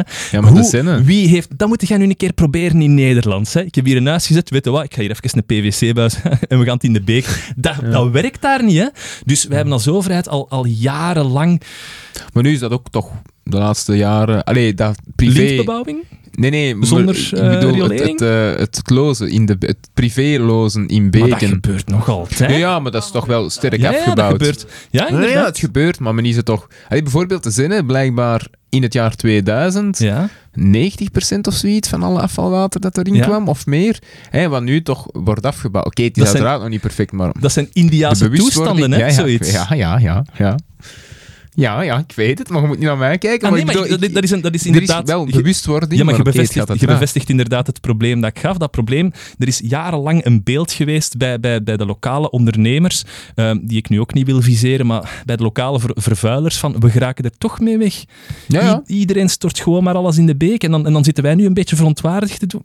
Alweer, sorry Jonas, maar we zitten, zitten hier verontwaardigd te doen, maar dat is een systeem dat al zo lang in stand wordt gehouden. Nee, ja, maar natuurlijk nu op een veel grotere schaal, ja. Ja, ja, ja, tuurlijk. ja. Wat getuigt van de geest van een overheid dat daar niet mee... Alweer moet ik... Ah. Die Jonas, eigen- die, die Jonas is aan het denken van... Wat is dat hier? fuck? Ja. Is dat? Dat hier zeg! Ja, dat heb ik niet voor getekend. Ooit wordt dan een one-man show. het is. Nee, nee. We, we hebben u graag. We hebben u graag, Steven. Zeg, die onderzoekscommissie, wanneer gaan we daar... eh, Van het Vlaams parlement, ik weet Ja. dat niet. Ja? Nee, ik vind dat wel... eh, dat is nu iets dat, dat, dat ook heel weinig sexy is om die onderzoekscommissie, die, die verslagen, want die vergaderingen, je kunt die allemaal online zien, hè. Die worden allemaal opgenomen. Dat is nu weinig sexy om dat eh, te zien. Het is ook duidelijk uit de media dat daar niet naar wordt gekeken, want Ja, daar, maar als je daar eens naar ziet, Ja. best wel interessant, hè? Best wel interessant. Ja, sommige. som- dus hè, onderzoekscommissie, hè, dus het parlement Ah, hè, nodigt ja. verschillende actoren uit om te kijken wat, wat is er fout gelopen, wanneer is het Ja. fout gelopen, wie heeft er boter op het hoofd. Ja. Hè, de, de, de parlementsleden van de meerderheid, allee, dat is allemaal mak. De interessante vragen worden niet gesteld. Maar, dus de, de oppositie, en met name dan Jos Dazen. De Jos, godverdikke toe. Dus ja, van de. P van de A. Ik moet zeggen, daar ben ik wel eh, van onder de indruk. Ja, Als je die eens een tussenkomst... eh, ah, wel, ja, ik heb ook nog nooit op de P van de A, of de PVDA, hoe is het in België? PvdA. PVDA gestemd, maar die De doel... partij gewoon. De, Die- de mensen noemen die de De partij. De echte aanhangers. Maar die een... ehm, allee, heel knap, heel knap. Hoe dat hem... Die heeft echt zijn werk gedaan. Maar, maar PG, ik kom terug even naar dat parlementair. Hè. Het is niet, Niet te lang over de PvdA Ja. praten hè, op deze podcast. Wij doen hier niet mee aan plat populisme, hè? Godverdikke. Nee, eh jij had nu gezegd, eh, onze parlementaire eh, onderzoekscommissie is niet, is niet sexy. Ja. Ehm, ik heb de hele Nederlandse parlementaire onderzoekscommissie Oh, over, over toeslagenaffaire gelezen en Ja. bekeken. En ik moet zeggen, dat, is, dat gaat er op een andere manier aan toe. Hè. Dat is echt, die mensen die daar moeten komen spreken, die hebben, die hebben echt schrik. Hè. Hier, 3M zit daar Hmm. van voor. Hè? Dus Ja. niet in de zaal, maar die zitten gewoon van voor. Al een klein beetje een fout signaal, vind ik, maar alias wat. En dan komen onze politici aan het woord. En dat is... Ik, ik, weet niet, ik weet niet wat dat uw reactie daarvan was, maar ik vond dat gewoon ronduit beschamend. Dus ze geraken niet uit hun woorden. Ze hebben geen duidelijk te identificeren vragen. De vragen duren veel te lang. En iedereen weet, bij een lange vraagstelling kun je gewoon rond de vraag antwoorden, want er is geen duidelijk te identificeren vraag. Nee. En, en, en ga maar voort. Dan komt die Jos natuurlijk naar voren. Jos, de held van vandaag, vriend van de podcast. Maar, ehm, We hebben nog 3M? geen contact gehad met nee, nee, nee, nee. Daas, Maar, na de tweede Ja. spreker hè, zat die, eh, hoe heet ze nu weer al? Rebecca Teeters van 3M. eh, zat die daar zo op haar, op haar stoel van: oké, deze halen we binnen, deze halen we binnen. Mm. En die werd ook gewoon arrogant, omdat ze wist: ik kan het hier, ik kan het hier voor elkaar krijgen. Ik hoef hier niet geen verantwoording af te leggen. zelfs als je daar blundert in die onderzoekscommissie, wie, wie weet het. Er komt niks van naar buiten, hè. Dus allee, we zullen het waarschijnlijk straks nog hebben over, over Titgat. Eh, De ondervraging van, van Titgat. In, dat is, dat is. Ah, dat ja, staat in dat de gazette. gewoon- De volgende dag staat dat in Heb de gazette. Heb jij maar, dat eh, gezien? ja, Ondervraging van Jos Dazen Ik over heb de eh, Titgat? verslagen gelezen, want we hebben altijd iemand van onze organisatie die kijkt en een verslag maakt. En ik heb het in de gazette gelezen. De rol van de media doen. Ja, maar gewoon zodat we dat echt kunnen opvolgen. Want ja, we moeten niet alleen naar die onderzoekscommissie kijken, maar ook naar, naar alle gemeenteraden en zo. Ja, dus, ja, ja. aannemen. Maar ik heb, dat ik heb, ik heb gel- ook gelezen wat er daarover geschreven wordt door de kranten, over dat rapport van Jan Titgat. Ja, Jos Dazen maakt zijn huiswerk, maar Jan Titgat dan duidelijk niet. Nee, Toen nee, dat nee, hij dat rapport er wordt heeft, toch weinig eh, over gecommuniceerd. Allee, wacht, als ik zo dan daarna Titgat indrukte op, op Google, hè, om dat eens te Ja. verifiëren, ik kreeg nergens een, een eh, resultaat van Misschien- hè, ehm, fouten in het rapport van Titgat. Ik kreeg allemaal commentaar van in juni dat hem zelf nog in ter zake was geweest om daarover te uitleg te geven over wat er nu allemaal aan de hand was. Maar dus, ik heb de indruk dat dat allemaal, die onderzoekscommissies, weinig worden Ja, opgevolgd. Misschien moet ik even zeggen waar dat het juist over ging. Ik Ja. denk dat Tietgat een aanbeveling had gegeven aan de OVAM of zoiets. Ja, ik En denk hij- dat hij gevraagd was, eh, of, of Ovam had gevraagd Ja. aan, aan Titgat om eh, de gezondheidsrisico's in, kaart eigenlijk, te eigenlijk brengen. BAM. Dus BAM Lantis heeft dat denk ik in, Ah, in, in de interactie met OVAM, want OVAM was al betrokken in het initiatief, eh, heeft eigenlijk Jan Titgat ingeschakeld om dus een rapport af te leveren waarin een inschatting werd gegeven van de gezondheidsrisico's van werken met PFAS, Ja, PFAS grond. En hij moest daar ergens... ehm, een drempel leggen. Hè. Voilà, Als het ja. boven die een drempel is van zoveel microgram per kilogram, eh, Ja. droge stof of zoiets, of, Ja, of alvast klopt. kubieke meter, ah, ik weeg het Nee, eigenlijk droge, niet, een kilo. Een kilo eh, droge, stof. droge stof. Ja. Dan, ehm, dan moet je dus wel voorzichtig beginnen zijn. Hè. Dan moet je maatregelen opleggen. Ja. En hij had gezegd, we zitten op 100, hè, we gaan 100 microgram per kilogram nemen. En hij had dat bedrag, hè, die 100 microgram, teruggevonden ergens uit een Nederlands rapport. Ja. Ehm, ja. En, dan, en dan de vraag, maar geweldig. Hè, want je ziet, het, je ziet het zo niet aankomen. Ja, ja, ja. En dan de vraag, en hebt u die prim- primaire bron gelezen? Ehm eh, goh, ehm, Dat is een doctoraatsverdediging. Ja, ja, maar effectief, bladeren. effectief, door die dingen, ja, dat, dat durf ik nu dat is al niet, vier jaar geleden. ja, hè. dat durf ik nu niet, nu niet met zekerheid eh, te zeggen. Ja, ah, maar ik zal het u voorlezen wat er staat. Want ik heb de primaire wel gelezen. Ik zal het u voorlezen wat er Was staat. de Jos? Zijn we de Jos aan het Ja, ja, citeren? dat was de, Ja, ja. dat was de Jos. Oh, de Jos. En dus, hè, blijkbaar ging het, die, die, ehm, die norm van 100, 100 microgram eh, voor, voor een kilo eh, droge stof, ging over Schiphol. Het kwam uit een onderzoek over Schiphol. Schiphol. Dus grondverzet dat daar in het kader van de luchthaven was gebeurd. En er stond letterlijk, er stond letterlijk, oké, als je die grond gaat gebruiken in eh, woongebied, landbouwgebied of natuurgebied, dan zijn er extra maatregelen nodig. Hè? Dus dat was het kader van die 100. Ja, maar daar lezen ze beperkt, snel over, hè, maat, over zoiets. Dus hij vraagt dat, hè? Die 100, je ziet toch, dat heeft geen betrekking op, op woongebied, dat is daar geen veilige norm van. En dan begint hem daar rond de pot te draaien. Maar ik heb, het, ik heb het onderzoek toch geciteerd. Het staat, ja, het staat in mijn bronnen, ik heb het onderzoek gebruikt. Ja, maar je hebt het gelezen waar dat het voor die norm, waar dat je die moet voor gebruiken. En alleen, daar komt hem Ja, gewoon... maar de, de impact daarvan is dus enorm. Dus OVAM is vertrokken van een cijfer van, ah, oké, 100 microgram Ja. is goed. En, en de normen waren daaronder. Dus OVAM denkt, we gaan geen bijkomende Ja, strenge één maatregelen. meting inderdaad, die was 20 of zoiets. Ah, of ja, ja, ja. 22 inderdaad. En Die- dus die ligt zit er toch ruim Die ligt onder. daaronder, dus we gaan geen bijkomende maatregelen opleggen. Maar dat gaat ervan uit dat je een luchthaven aan het exploiteren bent, waarbij dat helemaal niet uitmaakt wat dat in jouw grond zit. Ja, Maar als je dat dan in woongebied doet, en dan, ja, dan, eh, dan ging het daar... dan gaat het echt bergaf. Hè. Ja. Dat was heel pijnlijk. Er zaten Heel, ook zo van ja. die stille momenten in van 5 à 10 seconden waarbij dat je denkt, oeh, hier is Ja, maar ik vond dat zo sterk van die Jos Dazen, omdat die... eh, Allee, die, die vertrekt niet met, met, met een vooringenomenheid. Dat is gewoon echt de bronnen die hem heeft. Dat Ja. zijn er maar twee of drie. Maar en daar vraagt hem, leg het mij eens uit. Hè? Dus dat is niet... Want soms, ach, zoals die een Thomas Gordon of zo hoort praten, die zal er enorm veel tijd in steken, maar ik...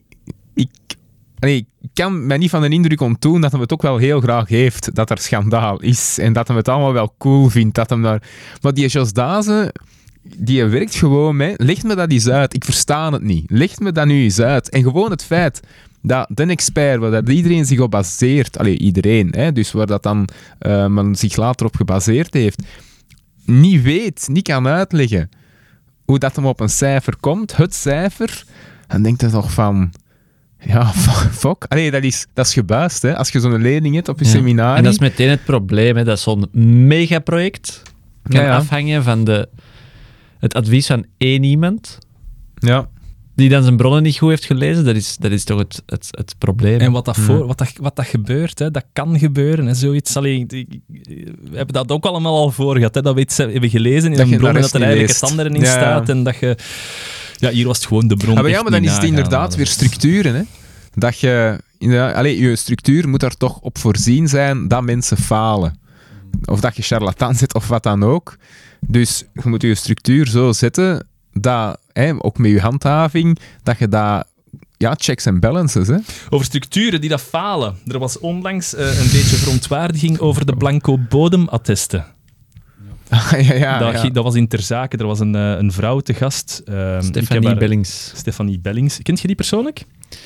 Ja, Doet dus er niet toe hoor. Maar, grappig feitje, ik heb met haar echtgenoot, haar huidige echtgenoot, nog in de pizza uitgewerkt. Vijftien Serieus? jaar geleden, ja. ja. dat, dat, is, dat zag ik niet aankomen. ja en mijn broer, mijn broer gaat dus in, in, hun nieuwe, in de buurt wonen waar zij eh, wonen. Klein- kleine Ja, wereld. ja, hè? Kleine Dus die heeft een, mijn broer heeft een grond gekocht, echt twee maanden of zo voordat dat dossier is opengebroken. En heeft dus ook van Ova en Blanco eh, bodemattest gekregen. Ja, Stefanie Bellings kwam dus eh, bij ter zake ehm, met voor de rest geen milieuexperts te zeggen van ik heb een blanco bodemattest gekregen. Hè, dus ik ging ervan uit dat er met mijn grond niks aan de hand is. U moet weten, als je een grond koopt of als je daar een aantal transacties mee doet, heb je daar een bodemattest voor nodig. En dus gaat gaan de OVAM vragen, de Openbare Vlaamse Afvalstoffenmaatschappij, hebt je weet of wat er hier in het verleden al iets gebeurd is met die grond qua bodemverontreiniging? En ehm, in 80% van echt, in, nee, het, het, overgrote meerderheid van de gevallen geeft de OVAM een blanco attest. Wat dan niet wil zeggen dat er geen verontreiniging gebeurd is. Hè? Alweer, want hoe kun je bewijzen dat er nooit verontreiniging geweest is? Hoe kun je bewijzen dat er nooit eens iemand een stookolietank heeft dat gelekt is? Um, het enige wat dat zij kunnen zeggen is, naar ons weten, is er daar geen bodemverontreiniging en zij baseren dat op basis van officiële bodemonderzoeken in de buurt. Daar ging het dan even over en ik citeer hier... Um, Isabelle Larmuseau. Isabelle Larmuseau is zo de, een van de grote, op dit moment, uh, ja, activistische advocaten op het vlak van um, de bodemverontreiniging. Is uh, milieuexpert. Uh, we zullen het daar straks misschien nog een beetje over hebben. En die zegt, ja... Um, wat zei ze daar nu weer al over? Ja, ze zei eigenlijk, een blanco bodemattest is niet gunstig. Hè. Het is net ongunstig omdat je niks weet over de bodem. Maar ja, er zit zo'n beetje een denkfout in, want ja, je kunt nooit, dan kun je nooit een gunstig resultaat hebben als je een bodemattest aanvraagt, want het, het beste resultaat dat je kunt krijgen no. is een blanco bodemattest. Zijn daar problemen mee, PG, met dat systeem van die bodemattesten? Ja, ik weet niet, niet 100% hoe dat, dat zit, die bodemattest. Allee, plus, ja, ik, ja, wij, wij treden op voor de NOVAM, dus... Mag je daar niks over zeggen? Ik, ja, niet dat ik daar iets van weet, maar ja, ik kan er... Ja, dus ik weet er ook niks van. Ik had ook niet kunnen antwoorden als ik het wel mocht. hè, maar, mijn belangrijkste vraag is dan, oké, op dat perceel van uh, Stephanie Bellings of van Bart Verniebe dan, uh, in, in, in, in concreto, de data die de OVAM dan gebruikt om, om een, een blanco bodemattest af te leveren, kijkt die alleen maar naar dat perceel? Is er ooit een meting gebeurd op dit perceel? Of kijkt die toekoer naar Zwijndrecht en naar andere gronden die daar gemeten zijn? Kijkt hij naar het feit dat die 3M zitten daar op 800 meter van ligt en dat we weten dat daar waanzinnig hoge PFAS-waarden in, het, in, het, in de bodem en het grondwater zitten? Ik weet dat niet. Is de, is, nee, hoe, hoe ver kijkt hij dan? Ik denk dat hij echt kijken naar het perceel zelf. Ja, maar ja, dan... dan ja. Ja, maar ja, van, van mij alweer, het mag. Hè. Je mag tegen OVAM zeggen, je moet de bredere omgeving, je moet een situatieschets doen, maar dan gaat dat ook fundamenteel meer geld kosten. Hè. Nu kost dat 50 euro, denk ik, want dat is gewoon even in uw database dat perceel ingeven, komt een blad uit, er staat, hebben wij wel of niet informatie, maar hier gaat het dan een soort van studie zijn. Hè. Maar je kunt toch, kunt toch gewoon breder data opzoeken? Je kunt toch gewoon kijken, oké, dat pand ligt in Zwijndrecht, er is vervuiling in de buurt ja, maar dan ga je 200 euro kosten in plaats van 50 maar euro. Maar die moeten toch gewoon een, een andere, andere uittreksel uit de software halen.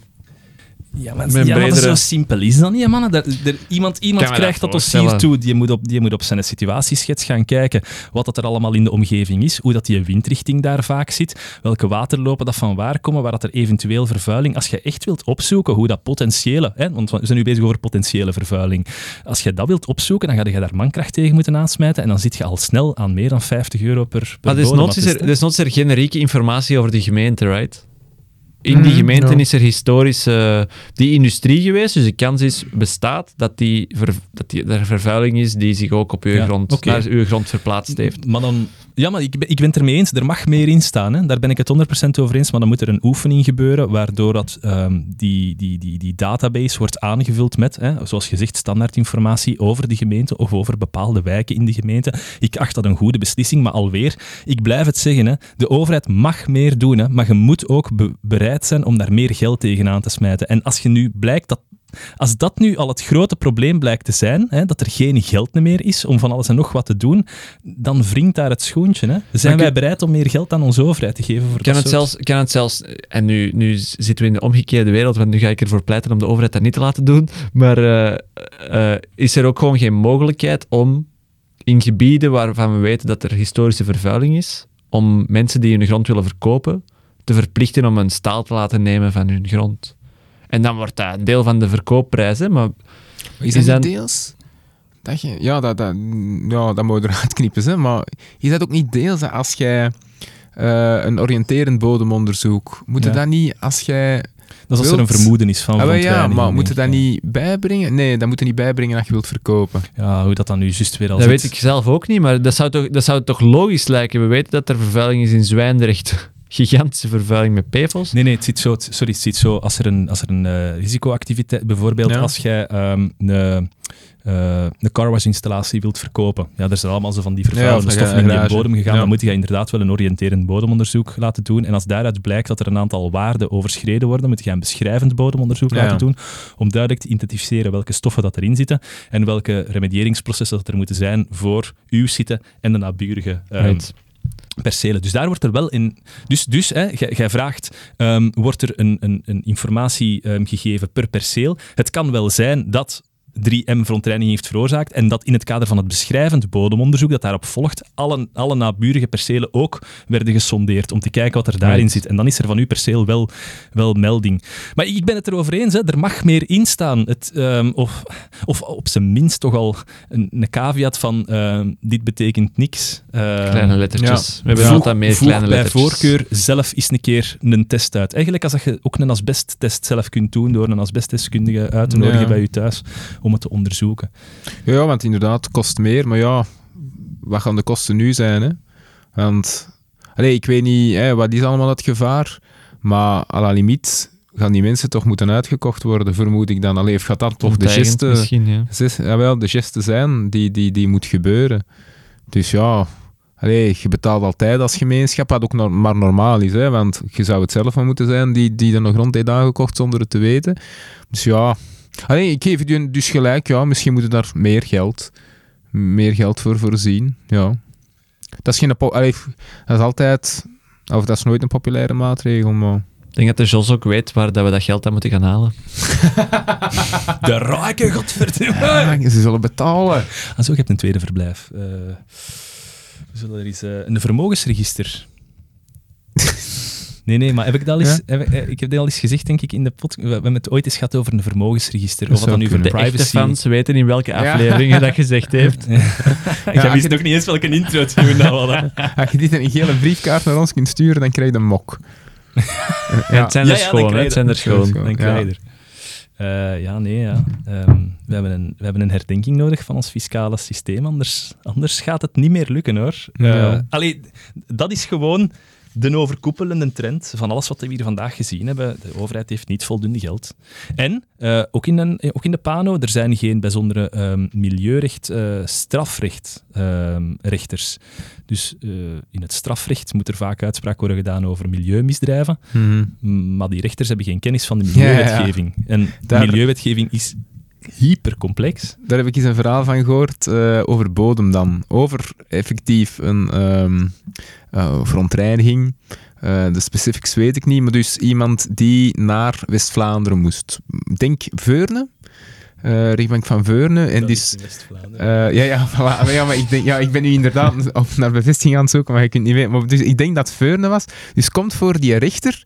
En die rechter die moet gezegd hebben, "Maar bodem, daar ken ik dus echt niks van. Hè. Ik doe alleen maar rechtscheidingen. En dus dan daarna een draak van een vonnis, ehm, een draak van een vonnis gegeven. Dus inderdaad, ja, dat is ook het probleem, hè, dat onze rechterlijke macht, ja, die, die, die specialisatie die er wel is in, in de, de, de rest van, allee, of in de maatschappij, dat die er niet, of zeer in zeer beperkte mate maar is, ehm, ja, eh, naar, naar rechters toe, openbaar ministerie toe. Allee, het begint wel, hè, dat je cellen hebt en, en fiscaal en bla bla bla, maar ja, ik kan mij inbeelden dat, daar, eh, dat er een asymmetrie zit in, eh, in expertise.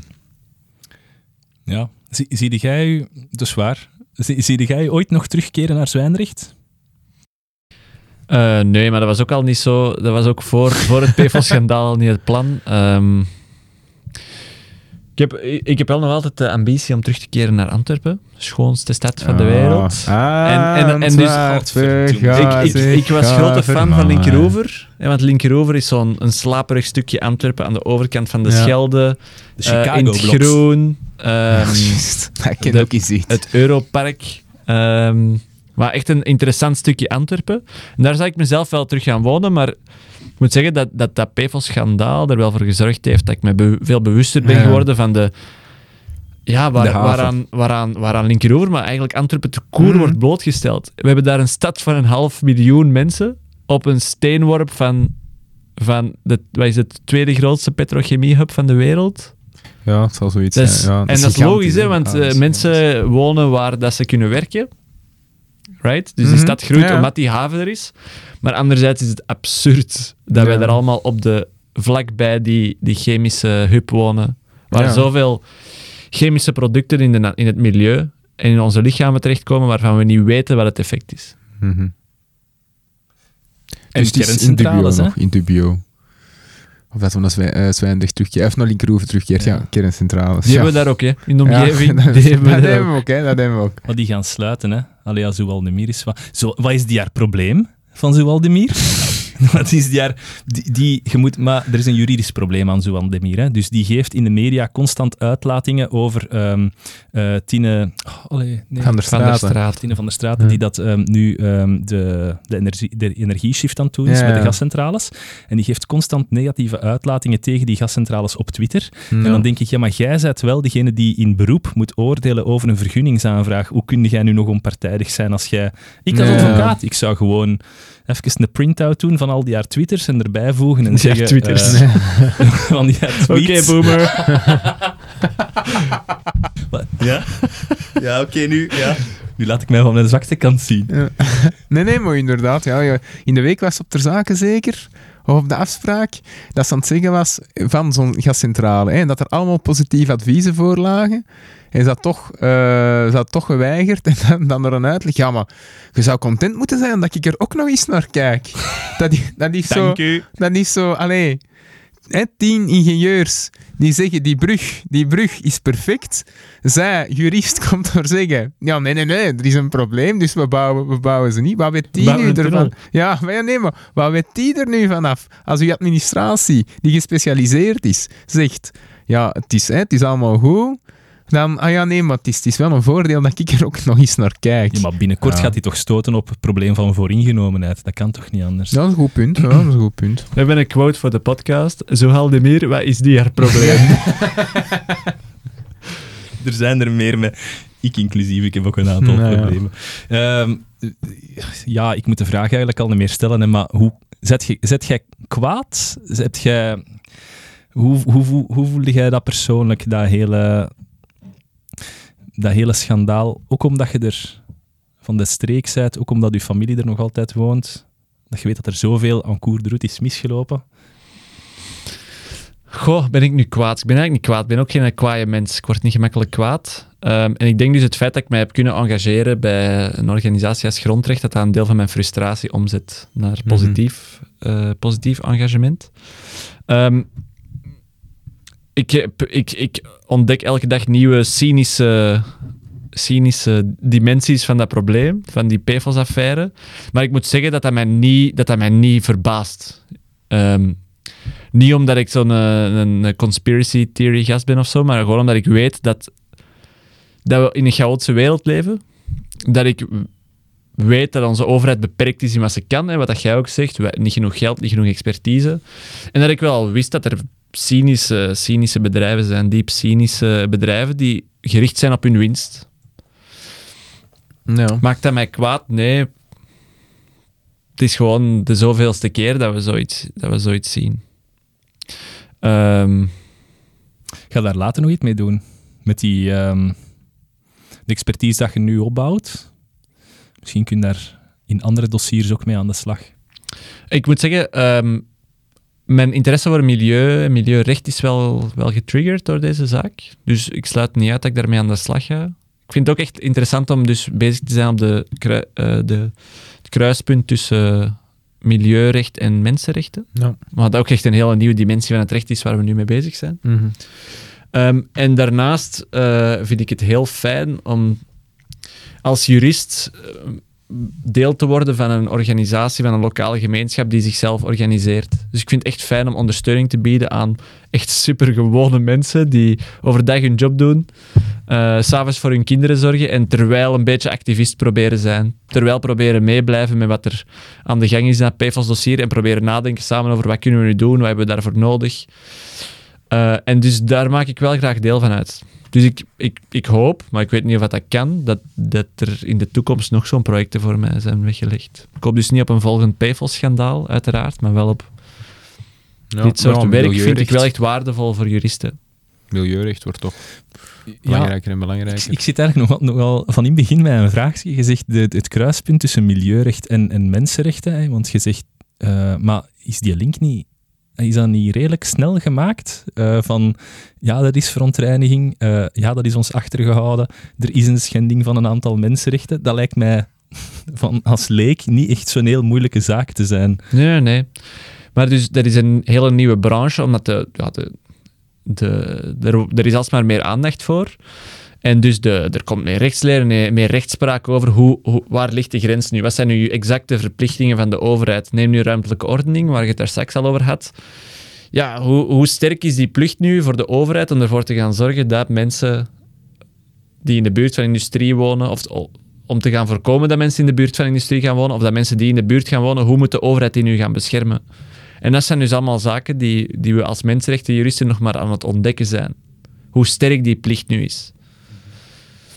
Ja, we komen van uiteindelijk, allee, hè, 20 jaar geleden, allee, of je zegt het nog altijd, als je met je kano door de beken aan het varen bent, dan dat je door de Far West aan het varen bent.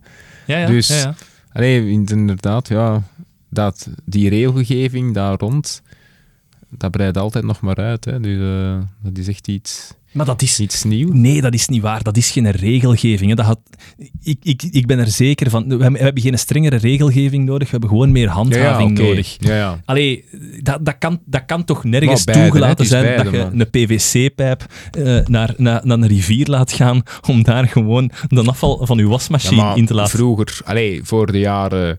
Ja, maar nu eh, toch niet 60. meer? Nee, nee, nee, oké, dat is juist. Ja, ja, wel. Ja, maar het, dus het regelgevend kader verbreed, hè. Ja, nu nog handhaving. Ja, ja. Riolen Ja, aanleggen op kosten ja. van de mensen die zijn gaan wonen in het buitengebied. Als je luistert, je weet over wie ik het... Ja, Want nu ben ik weer al naar een bouwshift aan het gaan, hè, rustig. maar je mag het. Je mag Alle wegen leiden naar de bouwshift. Wanneer eh, legde jij je doctoraat neer? Begin 2022, hopelijk. Nog de conclusies op papier zetten. Chill. Hij heeft tijd. tijd en geld. Dat is een doctoraatstudent, hè. Ja, ja. Hij is Nee, wel nee, rustig als doctoraatstudent. En wat gaat je ermee doen? Gaat je het eh, promoten? Gaat je het eh, vermarkten? De, de bedoeling is van wel. Eh, ook al weet ik dus dat het, dat het op, op, op politiek niveau niet zo'n populaire conclusies zullen zijn. Ehm, Ja. Want ik schrijf over de, de manier waarop er met meertaligheid wordt omgegaan op scholen, onder meer. En dus ik stel onder meer de, de huidige taalwetgeving in vraag, die gericht is op Nederlands, Nederlands, Nederlands en alleen maar Nederlands op onze scholen.